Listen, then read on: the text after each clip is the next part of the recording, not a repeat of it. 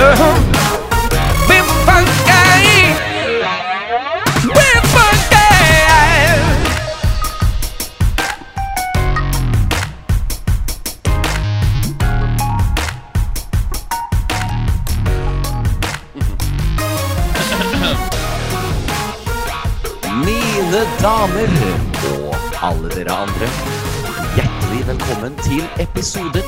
33 av vår blodhete Star Wars-podkast. Jo da, nei da, så. Blodhet i den forstand at vi i dag har tropesommer over hele landet. Men også fordi vi har en double feature i dag. Ja, vi skal nemlig snakke om hele to episoder av The Empire Strikes Batch. Et lite ordspill der. Pluss at det kommer jo en ny episode på Disney Pluss i dag. Så altså mye Star Wars for alle blodfans der ute, både via podkast og streaming service. Vi er som alltid sponset av godthall.com, og på deres webside så finner dere vår funky merchandise. Kanskje det til og med kommer noe nytt i løpet av sommeren, så stay tuned. Mitt navn er Petter Aagaard, og ved min side så har jeg en mann som egentlig har tatt sommerferie, og som jeg tror er på hytta sammen med familien akkurat nå. Mr. Yamaha-sponsored synth-maniac, Mr. Knut Løksen. Velkommen. Who are you, Petter? That Petter Aagaard, one of the most famous clones in Norway, Wrecker. Oh, hi, I'm Wrecker. According to my calculations and gathering of information, Petter Aagaard is one of the most famous clones in Norway. A geek clone. Then terminate this ridiculous abomination of a clone. Wh- what? Good soldiers follow orders. No, no, just, just go on with the podcast, yes. Uh, I, I'm not a clone, I'm a clown. Force clown. Ja, I'm a force clown. Jeg jeg husker jeg var på um, Josefines versus en gang. Og han eh, konferansieren Totto Hansen, en, en utro, utrolig trivelig fyr, forresten. Jeg kom Ja. litt sånn seint inn i jammen, da. Sånn, det var bare Ja. en time igjen. Så sprang han bort til meg. 'Å, så bra at du kom, Petter! Vi trenger en klovn på scenen akkurat nå!' og han, han mente jo positivt, men jeg bare 'Excuse me, I take my clownery seriously'. Ja, Herregud. Ja, men du er, du, er en, du er jo en energibunt på scenen, da, Petter. Er, man, vet jo aldri, man vet jo aldri hva som skjer. Liksom. det er Det, med det. er, altså. det, det, er, det, er noe, det denne uforutsigbarheten eh, live der som gjør at man Jeg tror alle musikerne får litt ekstra energi når man ikke helt veit hva som skjer. Da blir det litt mer spennende. Teatersport. It, it's kind of like The Bad Batch. Jeg trodde du skulle si 'It's kind of like poetry'. Trodde jeg du skulle si. Ja, ja, it rhymes. Ja, ja. Knut Løksen, jeg har en god nyhet og en dårlig nyhet til deg. Hva vil du høre først? Den gode? Ok, den gode nyheten er Den gode nyheten er at alle disse Ewok-filmene og masse annet retro Star Wars-stæsj har nå kommet på Disney Pluss. Så vi må jo i framtida lage egne podkast om dem. Det er den gode nyheten. Ja, flott. Nå var den Ja. dårlig. Den dårlige nyheten er at eh, disse Ewok-filmene og masse annet retro Star Wars-tæsj har nå kommet på Disney Pluss. Så vi må lage egne podkast om dem i nær framtid. Den dårlige nyheten er at vi må lage en podkast om dem. Det, det er vel den dårlige nyheten. Jeg jeg så jo disse filmene da jeg var liten, og jeg elska dem, men jeg tviler på at de er like elskverdige nå. Jeg har begynt å se på Clone Nei, hva sier jeg? Caravan eh, Hva heter den igjen? Caravan of the Evox? Nei. Caravan of Courage? Courage er det selvfølgelig, ja. Ja, ja, ja. Det er jo liksom eh, Den minte meg litt om den der russiske versjonen av Ringenes herre, på et vis. Exactly. Det er litt, veldig, veldig, litt, samme, litt samme sjangeren. Veldig, veldig bra beskrevet. Men heldigvis, Knut, i dag så har vi en gjest som ikke kommer til å minne oss om noe dårlig russisk eh, kopi. Fordi dagens gjest, han er en kjekk herremann som eh, jeg av og til ser på diverse Star Wars-forum på nettet. Og han oppfører seg alltid hyggelig og inkluderende. Altså relaxed and groovy, rett og slett. Det må vi gjøre noe med her i dag. Han er også langt over gjennomsnittet kunnskap om digital marketing. Så ønsk velkommen til vår careful Mr. Ken Barry. Director Kent Barwin.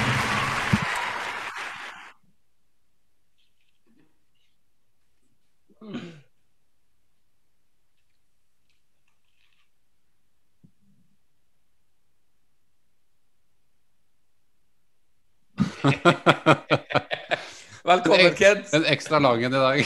Ja. Velkommen, Kent. Takk, takk. Ja. Eh, takk for at jeg fikk eh, komme og være med på podkasten deres. Jeg er veldig glad for at jeg eh, slipper å være med på den uh, Ewok-podkasten.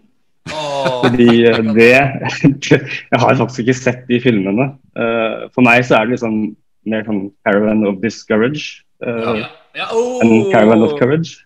Ja, ikke sant. Jeg, jeg kan fortelle deg én ting, Kent. Det var for øvrig veldig artig at du begynte å snakke om Ivak-filmene, for det var det første jeg skulle spørre deg om. Om du har sett dem eller ikke. Fordi at på tidlig tidlig 90-tallet så var det en kanal i Norge som het for Filmnett. Og den eh, plutselig ut out of the blue da, så kom disse to Ivak-filmene på ett års mellomrom og ble spilt veldig ofte på Filmnett. Nesten sånn én gang i uka. Du vet sånn tirsdag klokken tre, du er et sånn type eh, tidspunkt. Og jeg skal være så ærlig å si at filmen starter da eh, eller, eller la meg omformulere meg. Altså, filmen har så å si null Star Wars-referanser i seg annet enn at det er en skogplanet, eh, altså Endor, som da for øvrig er filma utafor San Francisco, om jeg husker korrekt. Eh, ikke så langt ifra der George Lucas bor. Og så er det da um, Ewoks Men ellers så er det på en måte alle karakterer. Ingenting har noen ordentlig solide Star Wars-referanser, bortsett fra det første minuttet. For da får du nemlig se at en ung gutt, som for øvrig ligner litt på Luke, har på seg en sånn oransje X-Wing-lignende drakt. Og han kommer ut av et uh, X-Wing-lignende romskip. Og det var nok for meg, det, når jeg var da tolv år. Å bli helt blown away. For it, it's new Star Wars! This is new Star Wars! Og det varte som sagt bare i uh, underkant av ett minutt, den scenen. That's the license. That's the Det Lucasfilm jo- license. Det er jo åpenbart at eh, For jeg har sett til dit du sier nå, Petter. Det er jo åpenbart at den X-Wing eh, Eller det man Ja. tror kan være en X-Wing Her har de tydeligvis ikke hatt råd til å ha noe særlig større Ja. del av skipet enn bare en liten nese. Så det, er, på en måte, det er Ja. umulig å definere hvilket skip det er. Yes, Det er yes. bare en liten del av det. Og, og det Det er veldig altså artig å du se det første minuttet ja, da, av de eh, filmene, av den filmen. Definitivt. definitivt For Ja, det er det det er eneste som er, er litt eh, eh, nostalgisk, kan man si. Men eh, det var veldig artig, Knut, for jeg har jo ikke sett disse filmene siden tidlig tidlig 90-tallet. Så det at jeg husker på det så rett som du nettopp beskrev, det- det, var litt artig. Ja. For det var litt sånn eh, For det, det, det ga et inntrykk, husker jeg. Og så ramler jo filmen sammen, for det er jo en TV-film. ikke sant? Eh, Ja, ja. Animasjonen er skrekkelig dårlig, og storylinen er syltynn. Men det var jo artig å se, du vet, han lille um, Ewoken som jeg plutselig fikk jernteppe på, hva heter det nå? Han som er hoved-Ewoken i Return of the Jedi. Ja, han med, han med sånne rød bandana, holdt jeg på å si, eller sånne eh, kopp- Ja, altså- på. Uh, Ja, jeg- Jeg jeg husker ikke hva han heter. si-. Jeg skulle til å si Gizmo, men det er Gremlins. Det, ja. Eh, Wicked! Alf. Wicked, tror jeg. Wicked, tror jeg han heter. ja, ja, ja, tror- stemmer. Ja. Wicked. Wow! Nå, nå, nå imponerer jeg meg sjøl med uh, Star Wars-kunnskap. Men uh, iallfall, Kent, du har altså ikke sett disse um, Ewok-filmene. Tror du at du noen ganger kommer til å se dem? Veldig usikker. Uh, jeg har, jeg har en, en, en viss følelse av at Og det kan ha noe med, med alder å gjøre, uh, men da jeg så eh, den eh, filmen, altså 'Return of the Jedi', Ja. så var det vel kanskje i en alder hvor dette med Evox traff eh, fryktelig dårlig. Ah, det var Eh, men det kan vi kanskje komme litt tilbake til, eh, sånn sett. Ja. Men, men, men eh, det er, det er eh, blant mine mindre favorittting i Star Wars er Evox, faktisk. Da skal du ikke se Car Carol Ja, Carol. Nei, altså, altså, da vil jo jeg egentlig si at Caravan of Courage og den andre Ewok-filmen, det er jo altså to. Det, det må jo da være totalt uh, tortur for en person som deg, som ikke liker Wicked in the first place. Ja, eh, veldig da, for jeg, jeg har på en måte sansen for alt annet som er litt sånn søtt og, og barnslig i Star Wars. ja, Og ja. veldig glad i han skuespilleren eh, ikke Warwick? Han, Warwick, Warwick Ja, eh, War- som Warwick- jo er Warwick en gjenganger. ja, ja. Ikke sant? Og, og han er en kjempekul fyr. Men, øh, men Ewokene de har jeg tydeligvis noe sånt øh, latent eller øh, bak i ryggmargen antipati for. En, Beklager det. En liten digresjonsspørsmål til dere begge to. Husker dere på at uh, Warwick Davis han hadde én replikk i solofilmen? Husker dere på det? Nei, det husker jeg ikke. Nei, den, den, det er helt mot slutten av filmen, når disse eh, såkalte nye rebels dukker opp, så er han en av dem, og så leverer han da Ja. en, en duppeditt til en person. Ja, sånn, Here stemmer. go, liksom. Ja. Stemmer det. Enfys Nest, Enfys Nest-soldat. Korrekt. Korrekt, Ja. Så det var litt artig, for at endelig fikk han en replikk. For han hadde jo replikker vet du, i Phantom Menace, men den ble klippa bort. Så det jo litt artig. Og det skulle være samme Fordi de var for, kort, fordi de var for korte? No pun intended. Oh. Nei da. Ja, men det, det som er interessant, er at eh, den karakteren han spilte i Phantom Menace, han er en av publikummene på pod- pod-racen, det er den samme karakteren som han da spiller i Solo. Så det er en sånn artig liten Men nå Ja. fikk han endelig en replikk, da. Så det er jo Er det sånn re retroaktiv canon-jobbing, liksom? Det at han er på en måte samme karakteren i, i, Phantom Menace som han er i Solo? At de på en måte bare har Litt sånn som Rex, at de bare har tatt liksom eh, en person og så bare gjort han canon, på en måte, ved å liksom dytte han inn der? Jeg, vil, jeg vil si meg enig. Jeg, nå skal jeg være litt sånn overraskende negativ. Jeg er jo, er jo kronisk positiv. Men jeg husker når um, de plutselig offisielt annonserte via Lucasfilm at uh, den gamle mannen med hvitt skjegg, som dere ser i tre sekunder på planeten Endor i Return of Jedi, det er Rex. Og så husker jeg på sosiale medier bare folk bare Wow! Og jeg bare satt Really? Really? er, det, er det liksom en wow? Det er jo bare en, uh, en ettertanke. Og jeg, Ja. ettertanke er aldri noe kult ord, syns jeg. men, men det er meg. Men før vi begynner å snakke Star Wars, så har jeg altså googla litt om Kent. Og jeg har notert meg noen av dine spesialiteter i ditt yrke, Kent, det er jo online and mobile marketing, business concept development, gamification, CRM, social media, web 2.0, usability, interaction design, search engine optimization. Nei, optim, opti, optimization, ja, korrekt. Strategic sales. Takk, takk. Project management, system architecture, system development, content management and enterprise portals. Og da er mitt spørsmål, kan du HTML? Ja, jeg kan nok det, men når du Ja. på en måte lister det opp på den måten, så høres det fryktelig skrytete ut. da. Eh, jeg mistenker at du har fått dette fra et nettsted som heter LinkedIn. Yes, sir. Ja, og der, der er man jo nødt til å på en måte si at man kan ting, og så Ja. har jeg på en måte er jo den natur at uh, når jeg kommer over et uh, begrep eller et fag som jeg mener at jeg kan noe om, så sier jeg jo ja, nei, det kan jeg jo. Ja. Så plutselig så blir den listen veldig lang. Uh. Betyr ikke at jeg er ekspert på noen av de tingene, men noen av de er jeg kanskje å regne som ekspert på. da. Men, men har du mulighet til å beskrive ditt yrke for våre lyttere på en enkel måte? Eh, nei.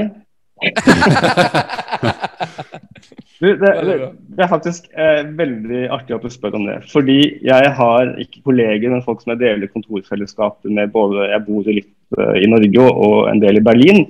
Eh, som alltid spør meg hva er det du jobber med. Og eh, jeg kan egentlig ikke svare. Wow. Fordi eh, det er litt diffust. Det er jo, altså Data er kjempediffust. Du- Enten så blir man for spesifikk og begynner med sånne forkortelser som du nettopp ramset opp. Ja. Eller så blir man for generell, og da eh, blir man bedt om, å, om man kan se på et problem som noen har med PC-en.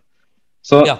ja. det er eh, vanskelig å beskrive. Så, så egentlig så er, er det litt sånn at jeg, jeg snakker med folk, jeg bruker min erfaring og kunnskap til å se om jeg kan gjøre ting bedre for dem eller for Mm. kunder osv. osv. videre, og, så eh, og prøve å tilrettelegge for at prosjekter som jeg da gjør sammen med kundene mine, eh, går så bra som man kan eh, som overhodet mulig.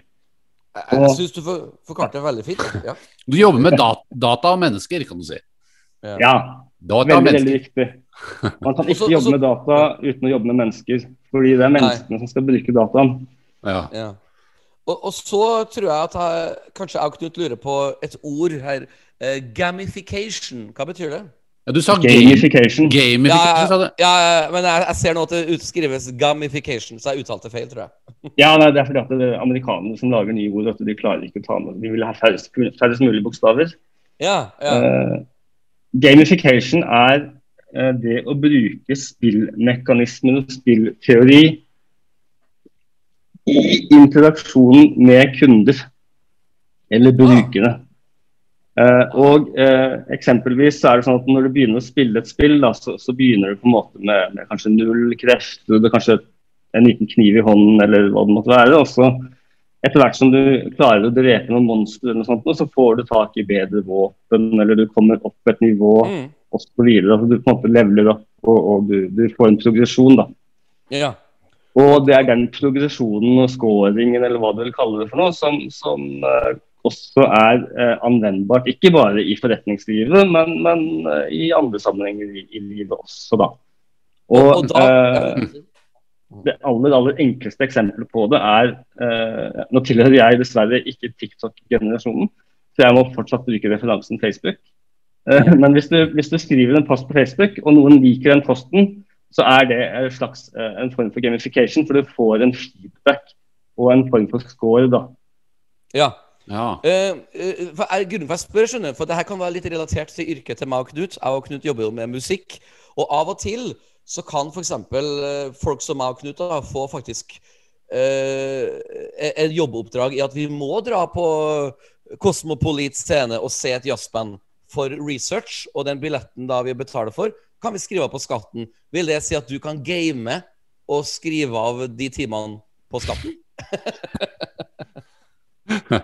Ja, det kan det, være. jeg vet ikke om det kommer inn under definisjonen gamification, men jeg ville definitivt uh, skrevet av på skatten. Sitter du og spiller GTA 5 med kundene dine? Det er det vi lurer på. Det gjør jeg ikke, men jeg uh, har uh, trenger datautstyr i min virksomhet som eh, kanskje ville være å regne som underholdning for noen, men som jeg mener i kraft av at jeg da f.eks. bl.a. jobber med gamification Ja. eh, og trenger å holde meg oppdatert på spillteknikk og spill Ja. og teknologi generelt, Mm. eh, regner som eh, kostnader som jeg har i kraft av mitt yrke. Så det blir skrevet av. Ja. Jeg er jo veldig interessert i, dataspill og har spilt mye, selvfølgelig. Men eh, jeg også eh, Har du liksom har du peiling på hvordan mekanismer, hvordan programmering og sånn av sånne spill foregår, eh, liksom? Eh, har du kjennskap til det òg? Både og. Altså det er eh,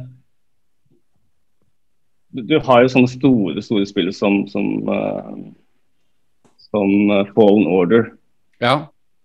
eller, eller Battlefront eh, 2 eller Battlefront, Star Wars Battlefront. Ja, ja. Der er det, eh, der er det jo enorme organisasjoner i, i, i, sving. Og eh, øverst så sitter det jo gjerne en som, som har ansvaret for selve spilldesignet. da. ja. Og eh, Han har jo folk under seg, og alle de jobber jo da opp med teknikker. Men jeg tror ikke de snakker så mye om teknikkene, for det er på en måte innebygget i måten de tenker på. For folk som jobber med spill, de er, de er spillorientert. Mm.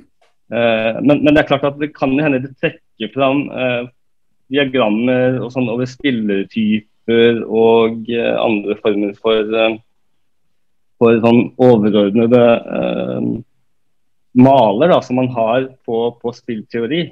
ja. Som, som man på en måte refererer til når man skal diskutere hva som skal skje med en karakter i spillet f.eks. ja det, det er, Og altså, klart at Fallen Order, eh, et, et spill skal jo inneholde noe for alle spillertypene. Man har fire spillertyper. Dette kunne man snakket i, i evigheter om, men, men eh, jeg skal kanskje prøve å være litt kort på det. Men, men man har f.eks. spillertypen som liker å utforske.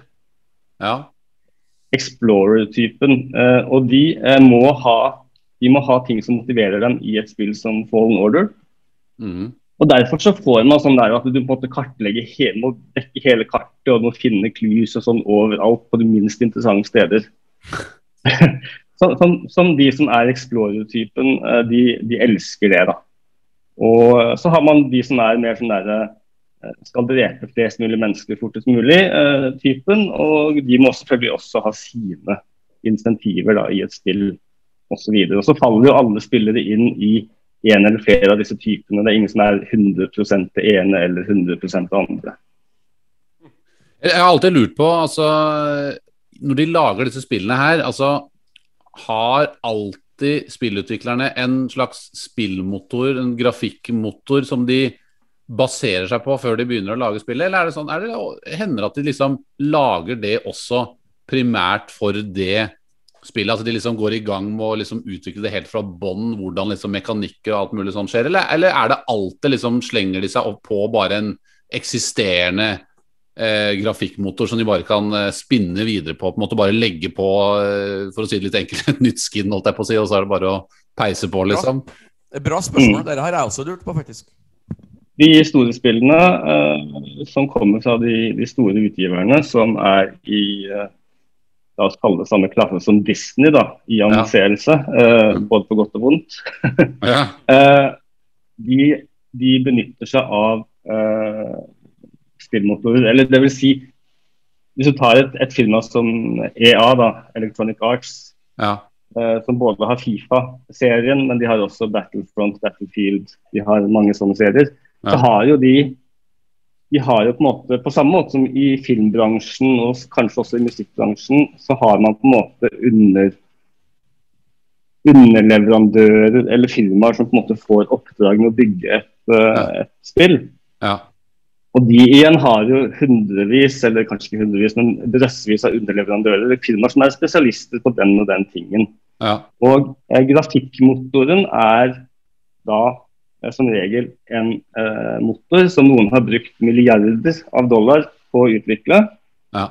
Epic f.eks. med sin Unreal Engine, eller eh, svenske Frostbite f.eks. som, som eh, har, har en egen motor, så vidt jeg har skjønt.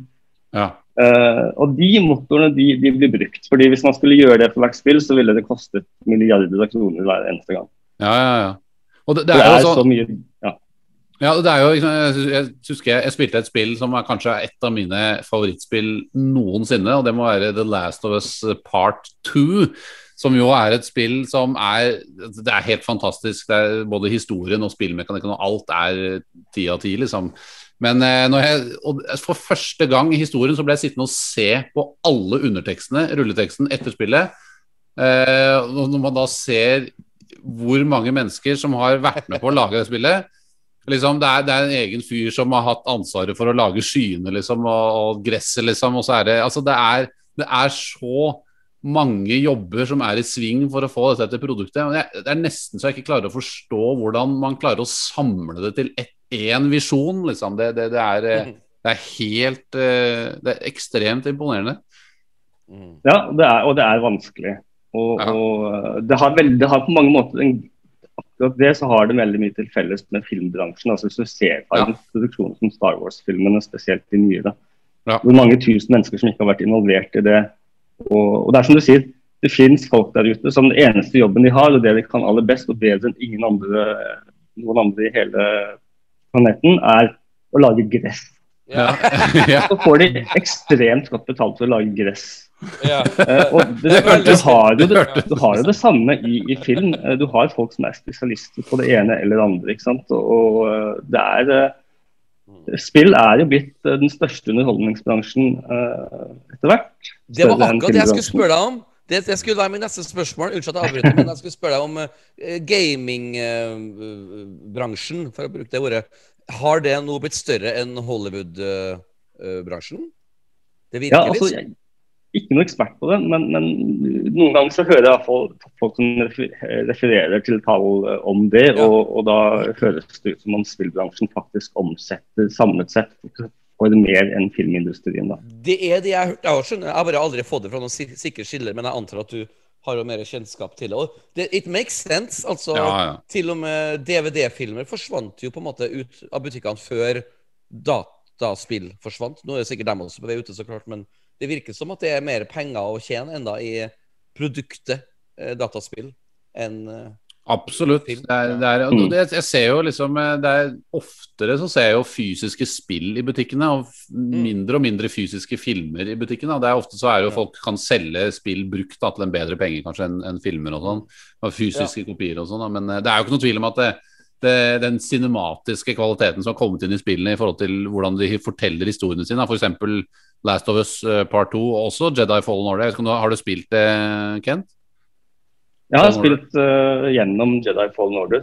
Ja. Jeg, jeg er ikke noen fantastisk spiller, og jeg spiller heller ikke uh, så mye som det kanskje kan høres ut til. Uh, og heller ikke så mye som, som jeg tror min, min kjære samboer mener. Men, uh, men jeg spiller jo litt allikevel. Og eh, eh, Hva var spørsmålet? Jo, spørsmålet var Jeg husker ikke, men det, det, var, det var Jeg skulle inn på Fallen Order, egentlig. Det var jo Og jeg, det var litt med det med cinematic. Det er jo det beste for meg i Fallen Order var jo historiefortellingen på mange måter. Og, Mm. og alle disse cutscenene imellom. Eh, ikke Ja. sant? Med, med dialog hvor du ikke spiller selv, for så vidt, men du på en måte observerer, du er tilskuer. Men i og med at du spiller selv også, så, er jo, så har jo spillene mer og mer blitt en interaktiv film. ikke sant? Og spillene har jo Du kan selvfølgelig sette opp vanskelighetsgraden til veldig høy, men du Mm. kan spille på sånn som, som mange sier, som, eh, eller som mange spill legger opp til at du kan gjøre. Du kan spille som en sånn story mode, nærmest. At det er bare, å drepe fiendene er, er veldig, veldig lett. Det er bare å gønne Ja. dem ned. Liksom. Det, er, det er ikke noe motstand, og du spiller det bare for historiedelen. Og mange gjør jo det fordi at det i seg selv er nå nok for å få, for å få en fullverdig spillopplevelse. Og det kunne man ikke si for 20 år siden, liksom. Så det, det, er, det har kommet ekstremt langt. og Eh, jeg er mektig imponert over de altså God of War, eh, Last of Us-spillene, også Jedi Fallen Order, selv om ikke de når helt opp, mener jeg, da, Ja. til de spillene. Men uh... Last of, Us, Last of Us har jeg dessverre ikke spilt. Det Nei. er vel på PlayStation, kun på PlayStation, er det ikke ja, sånn? det er på PlayStation 3 og 4, ikke sant? Det Ja, jeg har det samme forholdet til Sony som jeg vet at mange Star Wars-elskede har til Disney. Ja, ikke sant? Oi, Ja. oi, oi, oi. Men eh, du, jeg Helt irrasjonelt, eh, forresten. ja. Bare sånn at det er sagt. Mm. Ja. Jeg har faktisk et uh, Star Wars gaming-relatert spørsmål, jeg også. Og det her husker jeg veldig godt fra 2015, når eh, Nei, unnskyld, 2012. Når eh, Disney kjøpte opp eh, Lucasfilm. Så året etterpå, veldig veldig tidlig i 2013, så ble det offisielt at Lucas Art, altså gamingavdelinga til Lucasfilm, ikke skulle legges ned, men det skulle bare gjøres om til et slags lisenskontor. Så skulle de leie inn andre dyktige gamingselskap til å lage Star Wars-spill. Og da husker jeg at det ble skikkelig hysteri på forskjellige um, Star Wars-forum. Men jeg som har mindre uh, peiling på den verden her, skjønte jo med en gang at dette her må jo være en bra ting, for Disney har jo sikkert allerede et uh, eierskap av mange andre kjempebra uh, selskap, sånn som uh, Eller tenker, de, de, trenger kanskje ikke å eie dem engang, sånn som EA og sånne ting. Altså, Ja. Husker du det, det der, Kent? Og, uh, er det, det, det er jo ikke noe Det er jo bare en Unnskyld hvordan skal jeg ordlegge meg. Det, det, det er jo eh, no big deal, det her. Eller, eller har jeg misforstått noe, Kent? Ja, Det at altså, de, out, det at de outsourcer, liksom. Eh, og ja og nei.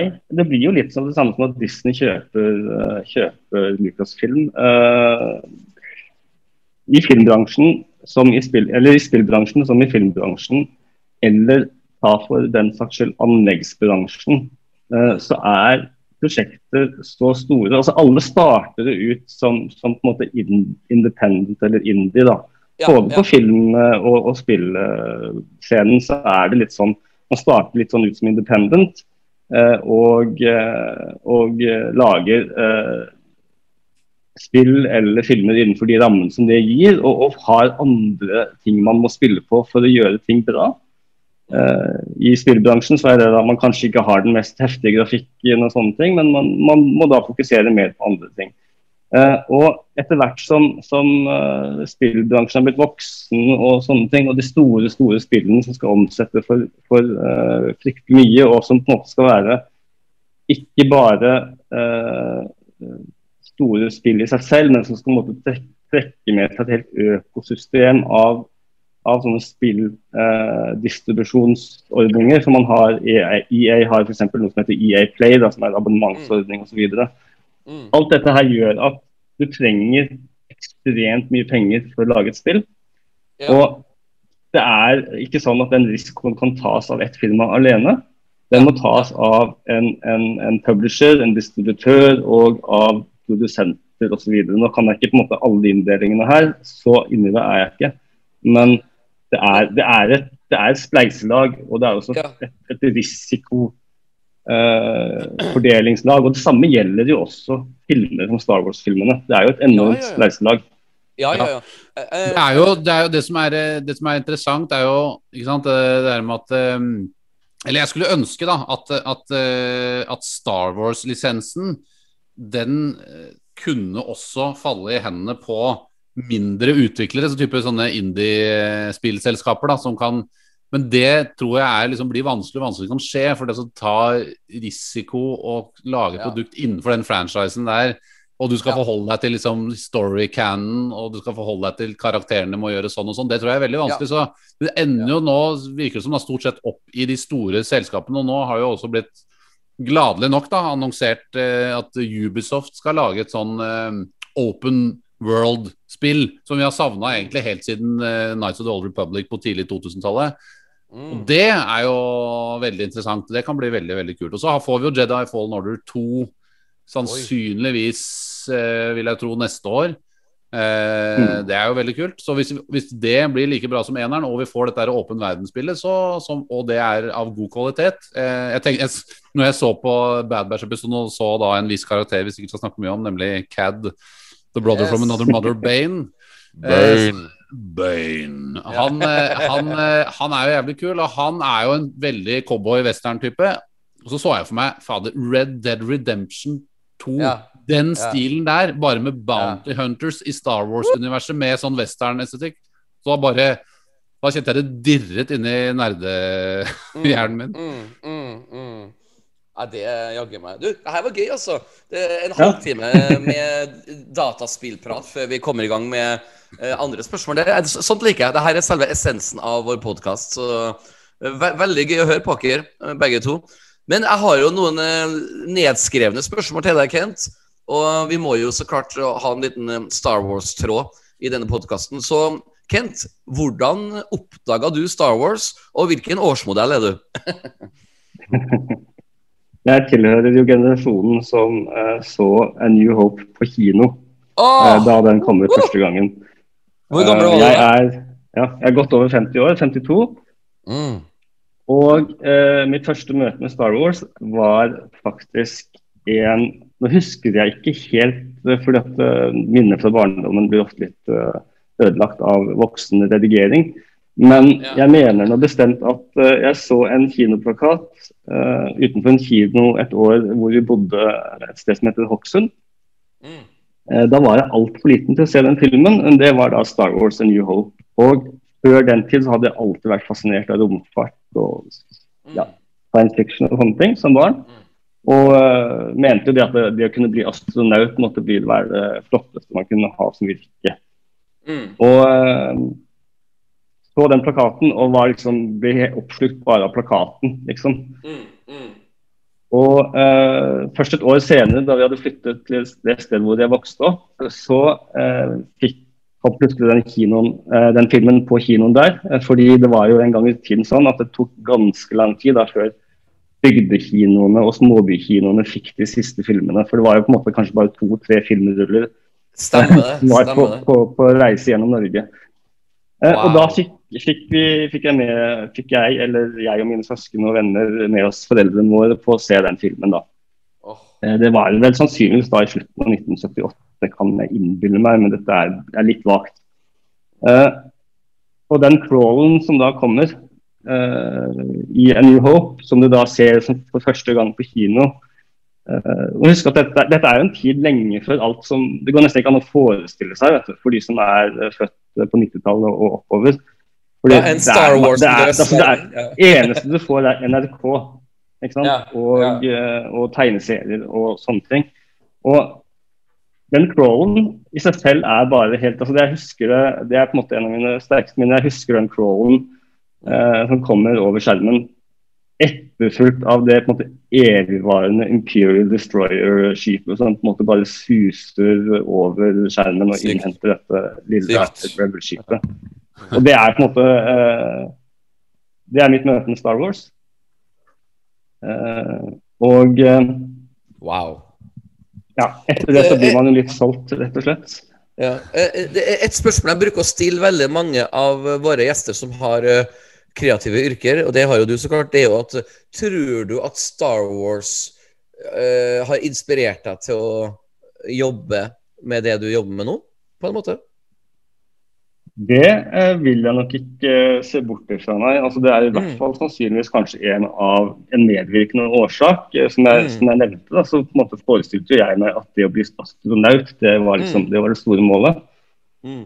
Eh, og eh, det målet eh, holdt jeg faktisk fast ved eh, helt opp eh, til jeg var i videregående og skulle velge videre, videre utvikling. Så hadde jeg skjønt Ja. eh, etter hvert da når jeg ble, måte, var, i, var i den alderen, at jeg kunne ikke bli astronaut på basis av å være pilot eller andre ting, Mm. så man måtte være ingeniør. Ja. ja. Og det å være da dataingeniør, som vi kalte det den gangen, det måtte da være den eh, hva si, eneste mulige veien inn. ja. Da Ja. dro jeg til England for å studere det som da het Computing Science eh, ved Wow. Imperial College i London. Eh, Sa du, i, sa du Imperial College? Sa du Imperial College? Det heter Imperial College. Det er, eh, det er Englands svar på NTNU. Eller omvendt, kanskje. da. NTNU er kanskje Norges svar på Imperial Ja, College, ja. men uh, Der underviser uh, Krennic i krigstaktikker og? Harkin i massemord. Ja. Nei, det er nydelig. Ja, innså vel etter hvert at det å bare jobbe med data, det var fryktelig kjedelig. Og, og jeg skal ikke påstå at jeg tok de studiene så, så seriøst som jeg burde. Men, men jeg ble nå i hvert fall uh, IT-mann. Uh, kom tilbake Mm. til Norge og, og fikk uh, jobb som innenfor IT. Mm. Og beveget meg etter hvert, da, eh, etter at det hadde gått noen år mer over på prosjektledelse, hvor det var noen mennesker. Og, eh, Ikke sant? etter hvert, Not only og robots. yeah. ikke sant? Og så noe salg og markedsføring osv. Og, så og så sitter jeg da på en måte 30 år senere og, og jobber med alle de tingene jeg alltid har jobbet med etter hvert. ja. Eh, Trodde eh, du som barn at Luke Skywalker var en vaskeekte astronaut i virkeligheten? Det er spørsmålet. Nei. Trodde du han hadde vært på månen? Førstemann på månen? Ja. Luke Skywalker, Eh, Buzz Aldrin og Buzz Lighter, holdt jeg på å si. Hva heter jeg jeg syns Luke Skywalker var litt kulere enn en Neil Armstrong og Buzz Aldrin og han siste der. Eh, Ja. hva het han? Ikke sant? Og jeg, jeg husker han, han, han, døde, død faktisk i år. Ja. Ja. Eh, jeg syns Luke Skywalker var, var det kuleste som fantes. Mm. Og det gjorde jeg jo helt fram til, uh, til uh,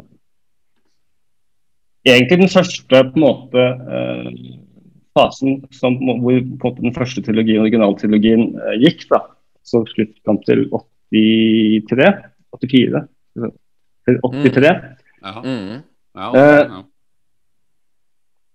Så, så, så, så syns jeg han var jeg synes han var noe av det tøffeste som fantes. Det var han alle ville være når vi skulle leke Star Wars osv. Ikke sant? ja, ja. Og så endret det seg ganske dramatisk da jeg så begynte å så, for så forsvant på en måte Star Wars litt fra radaren da, i en periode. fordi den gangen så var det på en måte ikke sånn at det kom litt Star Wars-innhold hele tiden. Merkelig nok. Eh, Caravan of Courage, da. Caravan of Courage. Ja, nei, jeg fikk ikke med meg den. Den, den, gikk litt, Ja, men- den, den gikk jeg glipp av, altså. Ja, det, det var mer sånn eh, 85, 86, 87. Men du, Kent, eh, nå skal jeg stille deg et spørsmål. Jeg skal også stille Knut det samme spørsmålet samtidig. Dette er et spørsmål vi har aldri prata om i vår podkast, og vi er 33 episoder inn. Men jeg, som eh, ikke har så mye peiling på um, EDB, egentlig elsker jo det estetiske. Og mitt spørsmål er altså følgende Hvis du ser liksom spesielt Return of Jedi, du vet når du ser eh, imperiet inni dødsstjerna, og hvilke type tastaturer de trykker på, hvordan knappene er designa og slike ting. Har det slått dere noen gang at ingen filmer fra 70-tallet og, og, og 80-tallet har klart å være like tidløs i design som de ansatte i Lucasfilm fikk til? For at Hvis du ser eksempel Return of Jedi nå og ser på de knappene som brukes, og sånne ting, så ser det fortsatt futuristisk og, og kult ut? Eller, eller er det bare jeg som er litt sånn, litt sånn fanblind, eller, eller er jeg inne på noe at eh, datadesign på de tre første Stars-filmene er veldig, veldig eh, imponerende tidløst laga? Er jeg inne på noe, Kent? Kanskje. Ja. Jeg, jeg, jeg, for- meg så er det tidløst fordi det er Star Wars. Og det Ja. kan være litt vanskelig å skille mellom de to. Og, og fordi all Star Wars eh, design, industridesign, eh, visuell design osv. Etter, etter det er på en måte eh, Har det som en slags et, som et utgangspunkt, Ja. så, så, så blir det litt tidløst eh, bare av det, da. Ja, Eh, ja, ja. Men, men det er klart at det er eh, Det er jo De bruker jo enkle eh, farger og visuelle virkemidler og så videre. ja. Mm. Eh, så så jeg syns jo det er flott, jeg, ja, da. Sånn Ja, ja, ja. Og, Hva med du, hva med du Knut? Ja, jeg er veldig enig med det Kent sier, men jeg tror også det har litt med at det er den der herlige, absurde sammensetningen av at du har 70-talls på en måte Ja. Ja. den, den nåværende 70 Altså det du hadde av begrensninger av spesialeffekter den gangen, og 70-tallsestetikk, kombinert med Der kom sønnen min, ja. Der gikk han igjen. Eh, kombinert med med Datt jeg helt og ble avbrutt. Nei da, ja, men ja, jeg? jeg forstår ja, jeg må, jeg, jeg Jo, jo, jo, jo, jo. Altså, du, du, du, måte, du har et univers som er på en måte skutt inn i Kall det fremtiden eller fortiden. Ja, det er jo fremtiden. a, a long time ago, sier de jo, men, men det er på en måte helt, helt eh, abstrakt på et vis. da. Da Futuristisk. Ja. ja, og når du da kombinerer det med den der 70-talls den visuelle 70-tallsstilen, som på en måte er en slags blanding av hva, hva du hadde av begrensninger av spesialeffekter den gangen, og hvordan det så ut på 70-tallet. Når, du- når du da Mhm. smelter de to tingene sammen, så gjorde, og det også samtidig så litt sånn slitt og brukt ut, som vi har sagt eh, mange ganger her, liksom, Mm. eh, i det, på den postkassen her, så er det liksom så, så blir, det, det tror jeg er mye av grunnen til at det blir også veldig tidløst ja, veldig, veldig bra sagt. prøver på en måte ikke å sette seg inn i en sånn derre Det er sånn hvis, hvis Star Wars hadde sagt On planet Earth 50 years Ja. from now Luke Ja. Skywalker entered Ja. the McDonald's And- altså At han eksisterte på jorden, jordkloden, Ja. liksom. Og det var satt 20 år frem i tiden. Og man hadde en slags tanke om at sånn ser denne teknologien ut om 20 år. Ja. Her er det ikke sånn. Her er det bare putta inn en abstrakt verden som folk bare Ja. kan egentlig nesten finne Ja. på sjæl når det er. ikke sant? Det er sånn mm. er det om 1000 år? Er det, om, er det 3 milliarder år siden? Er det, den, den, den gir spillerom for kreativ og fantasi. Veldig, veldig bra, altså. Veldig bra svar. Jeg har et eh, enda viktigere spørsmål til deg, Kent. Hva er din Mm. favoritt-Star Wars-film? Ja. Det er jo et, eh, et eh, Det er flere mulige svar på det. Ja, det er det. Hva føler du i dag, Kent? Ja, jeg har, jeg, har litt lyst, bare for å provosere, å si at min favoritt-Star Wars-film er eh, Og da må man vente på begrunnelsen. Mm. Min favoritt-Star Wars-film er The Rise of Skywalker. Uh, Du, du er, jeg, jeg skjønner at du er glad i popkorn. Eh, Og smør. Smør og salt. det er ikke- Det er ikke årsaken. Grunnen du skal- til at, eh, at jeg I'm, I'm intrigued. Vær så god. Ja. Ja, ja. Eh, grunnen til dette her er Det er ikke minst favoritt-Star Wars-film, men det er på, i, i enkelte dimensjoner så er det min favoritt. Fordi jeg syns at den filmen på mange måter best reflekterer den samlede Star Wars-familien eh, på planeten Jorden. I, i, eh, som består av Disney-konsernet, Lucas, eh, sosiale medier, alle fans, på godt og vondt osv. Det, er det, er det er en sånn vakker bastard av å sette sammen det du tror at folk liker best i Ja, forskjellige det- komponenter. Det er liksom som du, når, du, når, du, når du skal, når du skal Uh, hvis, hvis noen tar på en måte skal sette sammen perfekte ansikt, da, så tar de øynene til den, ja, ja, den ja. og munnen til den, og så setter de sammen det, så blir det egentlig så blir det helt ferdig. Ikke sant? Eh, og sånn er Right of Skywalker for meg. Den Men, er eh, liksom en, en, en, en perfekt refleksjon av Star Wars-samfunnet. Og Eh, Det er kanskje ikke den filmen folk ville ha, men det er kanskje den filmen Star Wars-familien samlet sett fortjener. Ja, ja, ja, ja, si noe stygt. Eh, eh, Kent, jeg, jeg, må, jeg må bare avbryte deg, Kent, for jeg, jeg kjenner jeg får skikkelig blod på tann. Men jeg skal fatte meg kortet og si at uh, alt det du sa nå, makes sense i mitt hode. Og jeg, jeg, jeg skal skryte på meg sjøl og si at jeg har faktisk tenkt veldig mange av de tankene der sjøl. Spesielt etter jeg gikk ut av kinosalen. For jeg følte det her er en slags best of Star Wars. De tar med alle de elementene av eh, visuelle action, mye humor, eh, sjarmerende karakterer. Men jeg følte jo så, så klart, som vi har snakka tidligere over podkasten, at det ble på en måte en veldig safe film. Eh, og det var det som på en Mm. måte rubbed me the wrong way. Men alt det du sier, faktisk stemmer. Så, så, så jeg må bare gi stafettpinnen over til Knut. Det er du, det er du som får argumentere mot eh, Kent akkurat nå. Nei, det, ja, du klarer jo Ja, ikke sant. Du klarer jo ikke å lage fiender, du, Petter. Nei.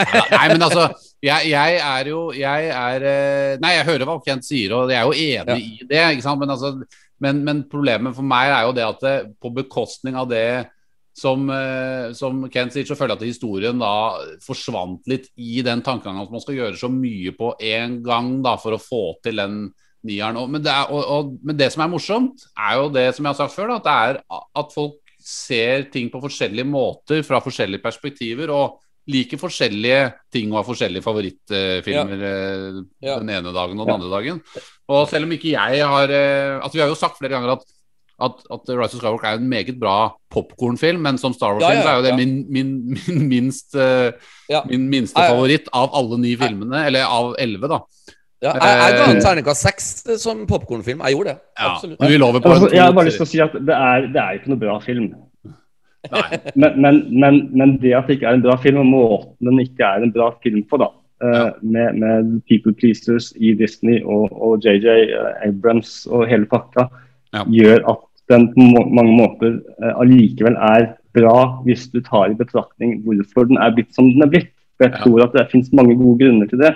Ja. Eh, og hvis du tar det som faktisk er min favoritt-Star Wars-film, som er uh, The Last Jedi, eh, og tenker hva om det ikke hadde blitt eh, så mye baluba og rabalder rundt den filmen? Hvordan ville da den siste filmen, altså film 9 i trilogien, da Ja. blitt? Men altså, er, jeg, jeg er føler at- liksom at, Ja. at, at Rise of Skywalker blir litt reaksjonær da, ikke sant, i forhold til det at du må på en måte altså, Mitt hovedkritikkargument mot Rise of Skywalker at du må ta, er at den ikke står for hva som skjer i episode åtte, og vrir Ja. for mange ting og Mm. prøver å gjøre for mange nye ting i tillegg. Sånn at, ja. sånn at eh, liksom eh, For jeg syns jo episode åtte er vesentlig bedre. Jeg syns det er en Å, ja, ja. kjempebra Star Wars-film. Eh, og den har en herlig atmosfære og mange kule nye ideer og ganske forfriskende. Star Wars-film, rett og slett. Eh, men hvorfor Jeg syns det er litt synd at, eh, at Lucasfilm og Disney var såpass reaksjonære at det liksom det er ofte mindretallet som skriker høyest eh, på sosiale medier, og de burde ha stått mer for episode åtte. Så hadde de sittet igjen med et eh, mer Mm. solid, helhetlig produkt etter de, de tre sequel-filmene. Men eh, det er klart, det er som du, som du sa i stad, Kent, det er en risikabel splei, et risikabelt spleiselag hvor mange skal mene mye, og mange som investerer penger. Og folk Mm. Tør jo ikke å ta risiko alltid, og da, da kan det bli sånne safe Ja. valg. Ja. Kan jeg, kan jeg, kan jeg få begrunne hvorfor uh, The Last Jedi er min favorittfilm, kanskje også? For, Å, ja, ja. å balansere det ut. Um, Ja. jeg, jeg, jeg fikk jo et annet forhold til Luke etter, etter hvert eh, sånn på 90-tallet, etter når jeg begynte å se Star Wars-filmene på nytt. Og syns han var eh, både sutrete og impulsiv og, og, og gjør fryktelig mange dårlige valg. Både i, i The Empire Strikes Back og i, i eh, Return of the Jedi. Mm. Eh, vet ikke om vi skal dekke det så langt, det kan vi eventuelt da komme tilbake til. Men, men, men for meg så ble det på en måte Jeg hadde ikke forventet det, men, men da, da eh, Ryan Johnson gjorde Luke på den måten han gjorde det, og, og sa til, til Mark Hamill, som jeg forstår, som jeg jo digger, bare for det er sagt, eh, at Mm. dette er på en måte sånn jeg ser utviklingen til Duke. Og Mark var først kjempesur, og så ble han eh, mer og mer glad i det. Og så Da han gjorde det grepet, så følte jeg liksom at det, det hadde jeg ikke ventet. Det var jo, som dere sikkert har, Ja. mener dere har sagt, en sucker punch uten like. Ja, ja, ja, det, ja. Og, og, og, men, men samtidig så ble det sånn Ja, men det det stemmer jo. Det er jo på en måte den, den Det er sånn Luke ville reagert på den hendelsen som da skjedde rundt, uh, rundt at Ben ble til Kylo Ren. Mm, Ja. mm. Bas, Og- og det er jo og- ja. Og det er noe på en måte, det er sånn Ibsens eh, Villanden gjenganger, jeg husker ikke Oh. hvilken av de, eh, men Oh. kanskje begge elementer i, Ja, ja. i hele den storyen. Bra Hvor, hvor, hvor, på en måte, Ja. ja, hvor, hvor på en måte den, den, du, du blir aldri kvitt livsløgnen din, altså om hvem du selv er. Eh, og, og du, du Luke er jo det, på en måte, det lille barnet Luke innerst inne hele livet sitt. Akkurat som andre, alle mennesker er det på en måte i sin uh, videreutvikling, helt til vi forlater uh, tilværelsen. Og For meg så er det en sånn der Han blir enormt skadeskutt, altså mentalt, da, av det som skjer. Og hans reaction er å på måte som, som villanden, da, eh, å, å bare dykke under og holde seg fast i sivet. eh, Ja. På mange måter. Ja. Ja, og, og det jeg, jeg føler at det, det er høyt, høyt eh, det, det, er, det er på en måte film det er filmskapning på ganske høyt nivå da, som, som jeg eh, tror at mange eh, gikk glipp av fordi de har en relasjon til Luke som jeg mener at jeg eh, hadde da jeg var mellom 8 og 15. Ja, Ja, ja, ja, ja. Og, og det er jo viktig å huske på at Luke reiser seg jo igjen i den filmen. Mange, mange likte ikke dette. Han var den der gamle grumpy fyren som hadde forlatt sitt kall og sin religion og alt mulig. liksom. Dette er ikke den Luke vi vil ha. Men så, så reiser han seg opp på slutten og gjør Altså på høydepunktet her så gjør han jo det, det mest eh, hva skal jeg si, uegoistiske Han ofrer seg jo, ikke sant? Han, han gjør jo Ja. det mest uegoistiske og heltemodige du kan se for seg en, en Jedi eller en, en helteskikkelse kan gjøre. Eh, også på bakgrunn av det du sier da, i forhold til dette med at han eh, eh, hvorfor, er, hvorfor har han blitt grumpy og trist, liksom? Jo, fordi at han har man, Folk glemmer jo at han har jo gått gjennom vanvittig mange nedturer. Faren hans er Darth Vader. Hans steforeldre ble drept av imperiet. Han har, altså det, er- mange tragedier da, som er inni livet hans, og så har han på en måte ordnet opp i det og startet en ny syklus med Jedi Younglings og skal bygge det opp igjen. Og så får han Ja. denne smellen i trynet når han er litt eldre, med, Mm. med, med sønnen til søsteren sin. Ja, Og- sin, og hans eh, beste nevø, venn, Han Solo. ja. Da slår det han så sinnssykt hardt. Og for Ja. meg så er det bare en, en bra karakterhistorie, egentlig. Og en, Ja, en, si, en sånn karakterstudie, da, på en måte. Og, det, Ja, og det, det, folk glemmer det, mange glemmer også de der flashbacksene du ser med Jeg tror det er tre, to eller tre ganger så får vi jo se den scenen hvor han konfronterer Ben Solo Ja. inni det teltet, eller denne lille Mm. putten. Og den scenen får du se, jeg tror det er tre ganger, hvor du ser den utfolde seg liksom litt mer for hver gang. Eh, og der ser du jo egentlig hva det er som skjer. Mange tenker at Luke ville ikke gjort som Han, han, han gjorde jo ikke det. Det var en liten tanke som slo han en Ja. gang om at han kanskje ville liksom strike him down with lightsaber. Men han, han, det var bare en tanke som slo han, og så fortrengte han den tanken. Men så hadde jo allerede da Ben Solo oppdaget at han sto der og misforstått han, han kan jo ikke vite hva han tenker, men han ser jo bare den personen, den skikkelsen som står ved sengen hans med lyssabel, og liksom Luke Nei, nei, det var ikke dette Dette var en feil, liksom. Og så er det helvete løs, liksom. Så Ja, og det er jo mye sterkere eh, opprinnelse til at da eh, Ben blir til Kylo. Ja. Fordi, eh, og det er så på en måte Det er en menneskeliggjøring som jeg føler er veldig viktig da, på mange Ja. måter. Eh, fordi det Ja, ja. menneskeliggjør Luke. Han har Ja. egentlig alltid vært menneskelig, men, men på en måte i i, i, i, eh, Vi opphører jo folk til på en måte den sannheten vi ønsker at de skal være. ja. Eh, men, men Luke har et øyeblikks tvil, og, og det er på en måte det fatale her er jo at akkurat Ja. i det øyeblikket Ja. så våkner Ben, og han ser jo dette fra sitt perspektiv. ja. Og det er jo en, en betrayal eh, av dimensjoner. At han som skulle være læremesteren, Ja. eh, og på mange måter den store mentoren, prøver, står der og skal ta livet av deg. ja. Så hva ville ikke det gjort med folk, da? Nei, ikke sant. Eh, Og, og, det, og det, er, det er Ja, ikke sant. Og det er, det er jo og det er derfor det er så bra historiefortelling òg. Fordi at Ben Solo har jo allerede blitt påvirket av Snoke, eller da Emperor Palpatine, som vi får vite senere. Men, men så han har jo allerede dette her i, i, inni bak bevisstheten sin. Og da, når, han, når da Luke dukker opp i det ene lille øyeblikket med den tvilen sin, så får det Så slår det hans eh, Hva skal jeg si eh, Hans eh, hans motivasjon i feil retning da, med, med en gang, og så, er- så er det på en måte point of no return etter det. Så, Mm. eh, Og det at Luke har et liten altså Det er ingen som er perfekte, som du sier. da, og derfor Når han har den lille personlighetsfeilen der, Den lille glitchen, akkurat der, Mm. så er det bare en liten menneskeliggjøring av Luke Skywalker som kunne ha skjedd hvem som helst. Så, Ja, ja, ja.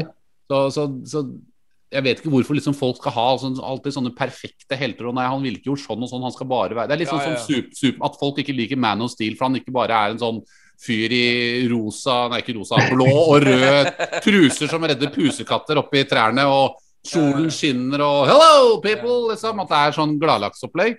Eh, han har også sine flaws, liksom, og må, må kjempe med nyanser i hvordan han skal Han må jo knerte, ikke sant. Han er en sodd på slutten, og da knekker han nakken på han. Han har jo ikke noe valg, og så blir folk sure fordi han knekker nakken på Men hva? Skal han la den drepe de der uskyldige menneskene? Ja, ja. Altså, Eller, eller, enda verre, eller enda verre, han må la sin far dø, for han kan ikke bryte ned hjelpen. Det er også ganske sterkt. Ja, det, ikke sant? Det, Ja. det, det, det, er mange sånne jeg, jeg, jeg liker det når de legger inn sånne personlige flaws, Ja. feil, Ja, ja, inn ja, i disse heltene, for det gjør det mer menneskelige og mer ja, det, det, Man kan eh, kjenne seg igjen i dem, da.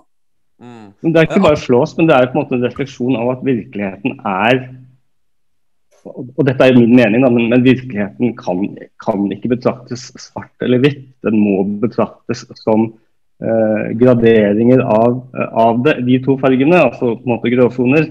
Ja.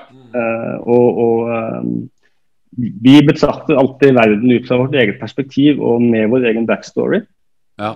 Eh, det gjør, og, og det å få på en måte, karakterer i, i filmer som tross alt er, de er lange, da, men det er korte møter vi har med disse karakterene.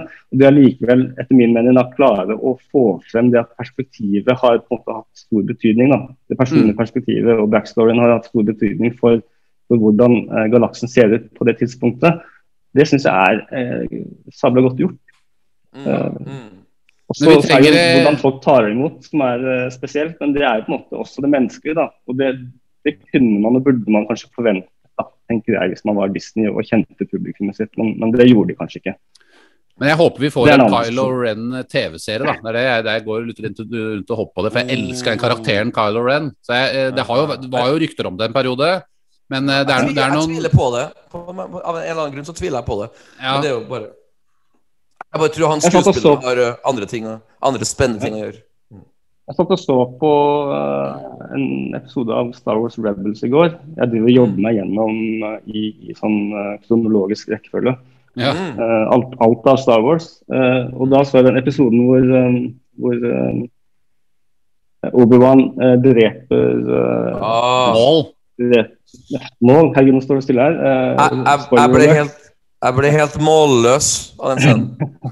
Eh, men så sitter han, sitter han egentlig i forkant av det, så sitter han og har funnet, eh, funnet vår venn eh, Nå står det helt stille med navnene her. jeg tenker på Altså, Ezra, uh, Kanan Ezra i, Ja. i, i jungelen, da, og, og, og- nei, jungelen i, i ørkenen, og sitter ved et bål, og, og Ja. Ezra sier på en måte ja, men det er jo du som skal, skal redde, redde opprøret. Ikke sant? Også, også uh, fordi holocronene har, uh, har sagt det. Og så Mm. svarer Obi-Wan, uh, da må jeg sitere det på engelsk, men han svarer The truth is often what we make of it. Mm. Ja. You heard what you wanted to hear, Oh. believed what you wanted to believe.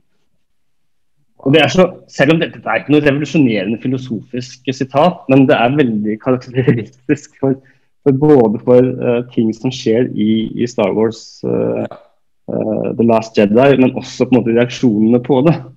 Og Det syns jeg er litt sånn det er artig at vi får litt sånn meta oppi dette her. da, synes jeg. Ja, ja, ja, virkelig. Jeg, jeg, må bare si, jeg må bare si to ting til deg, Kent. Altså, først og fremst må jeg si at du, du er jo en drømmegjest å ha på vår podkast. Ikke, bare fordi ja, men ikke bare fordi at vi er enig i alt du sier, men du, du kommer med veldig mye fine nyanser og, og slike ting. Så jeg har ett spørsmål til deg jeg må stille deg nå, og det er jo da Hvem er din favorittkarakter i Star Wars, og hvorfor er det Luke? Ikke sant? Det er ikke Luke. Ah, da, er jeg ekstra, da er jeg ekstra spent.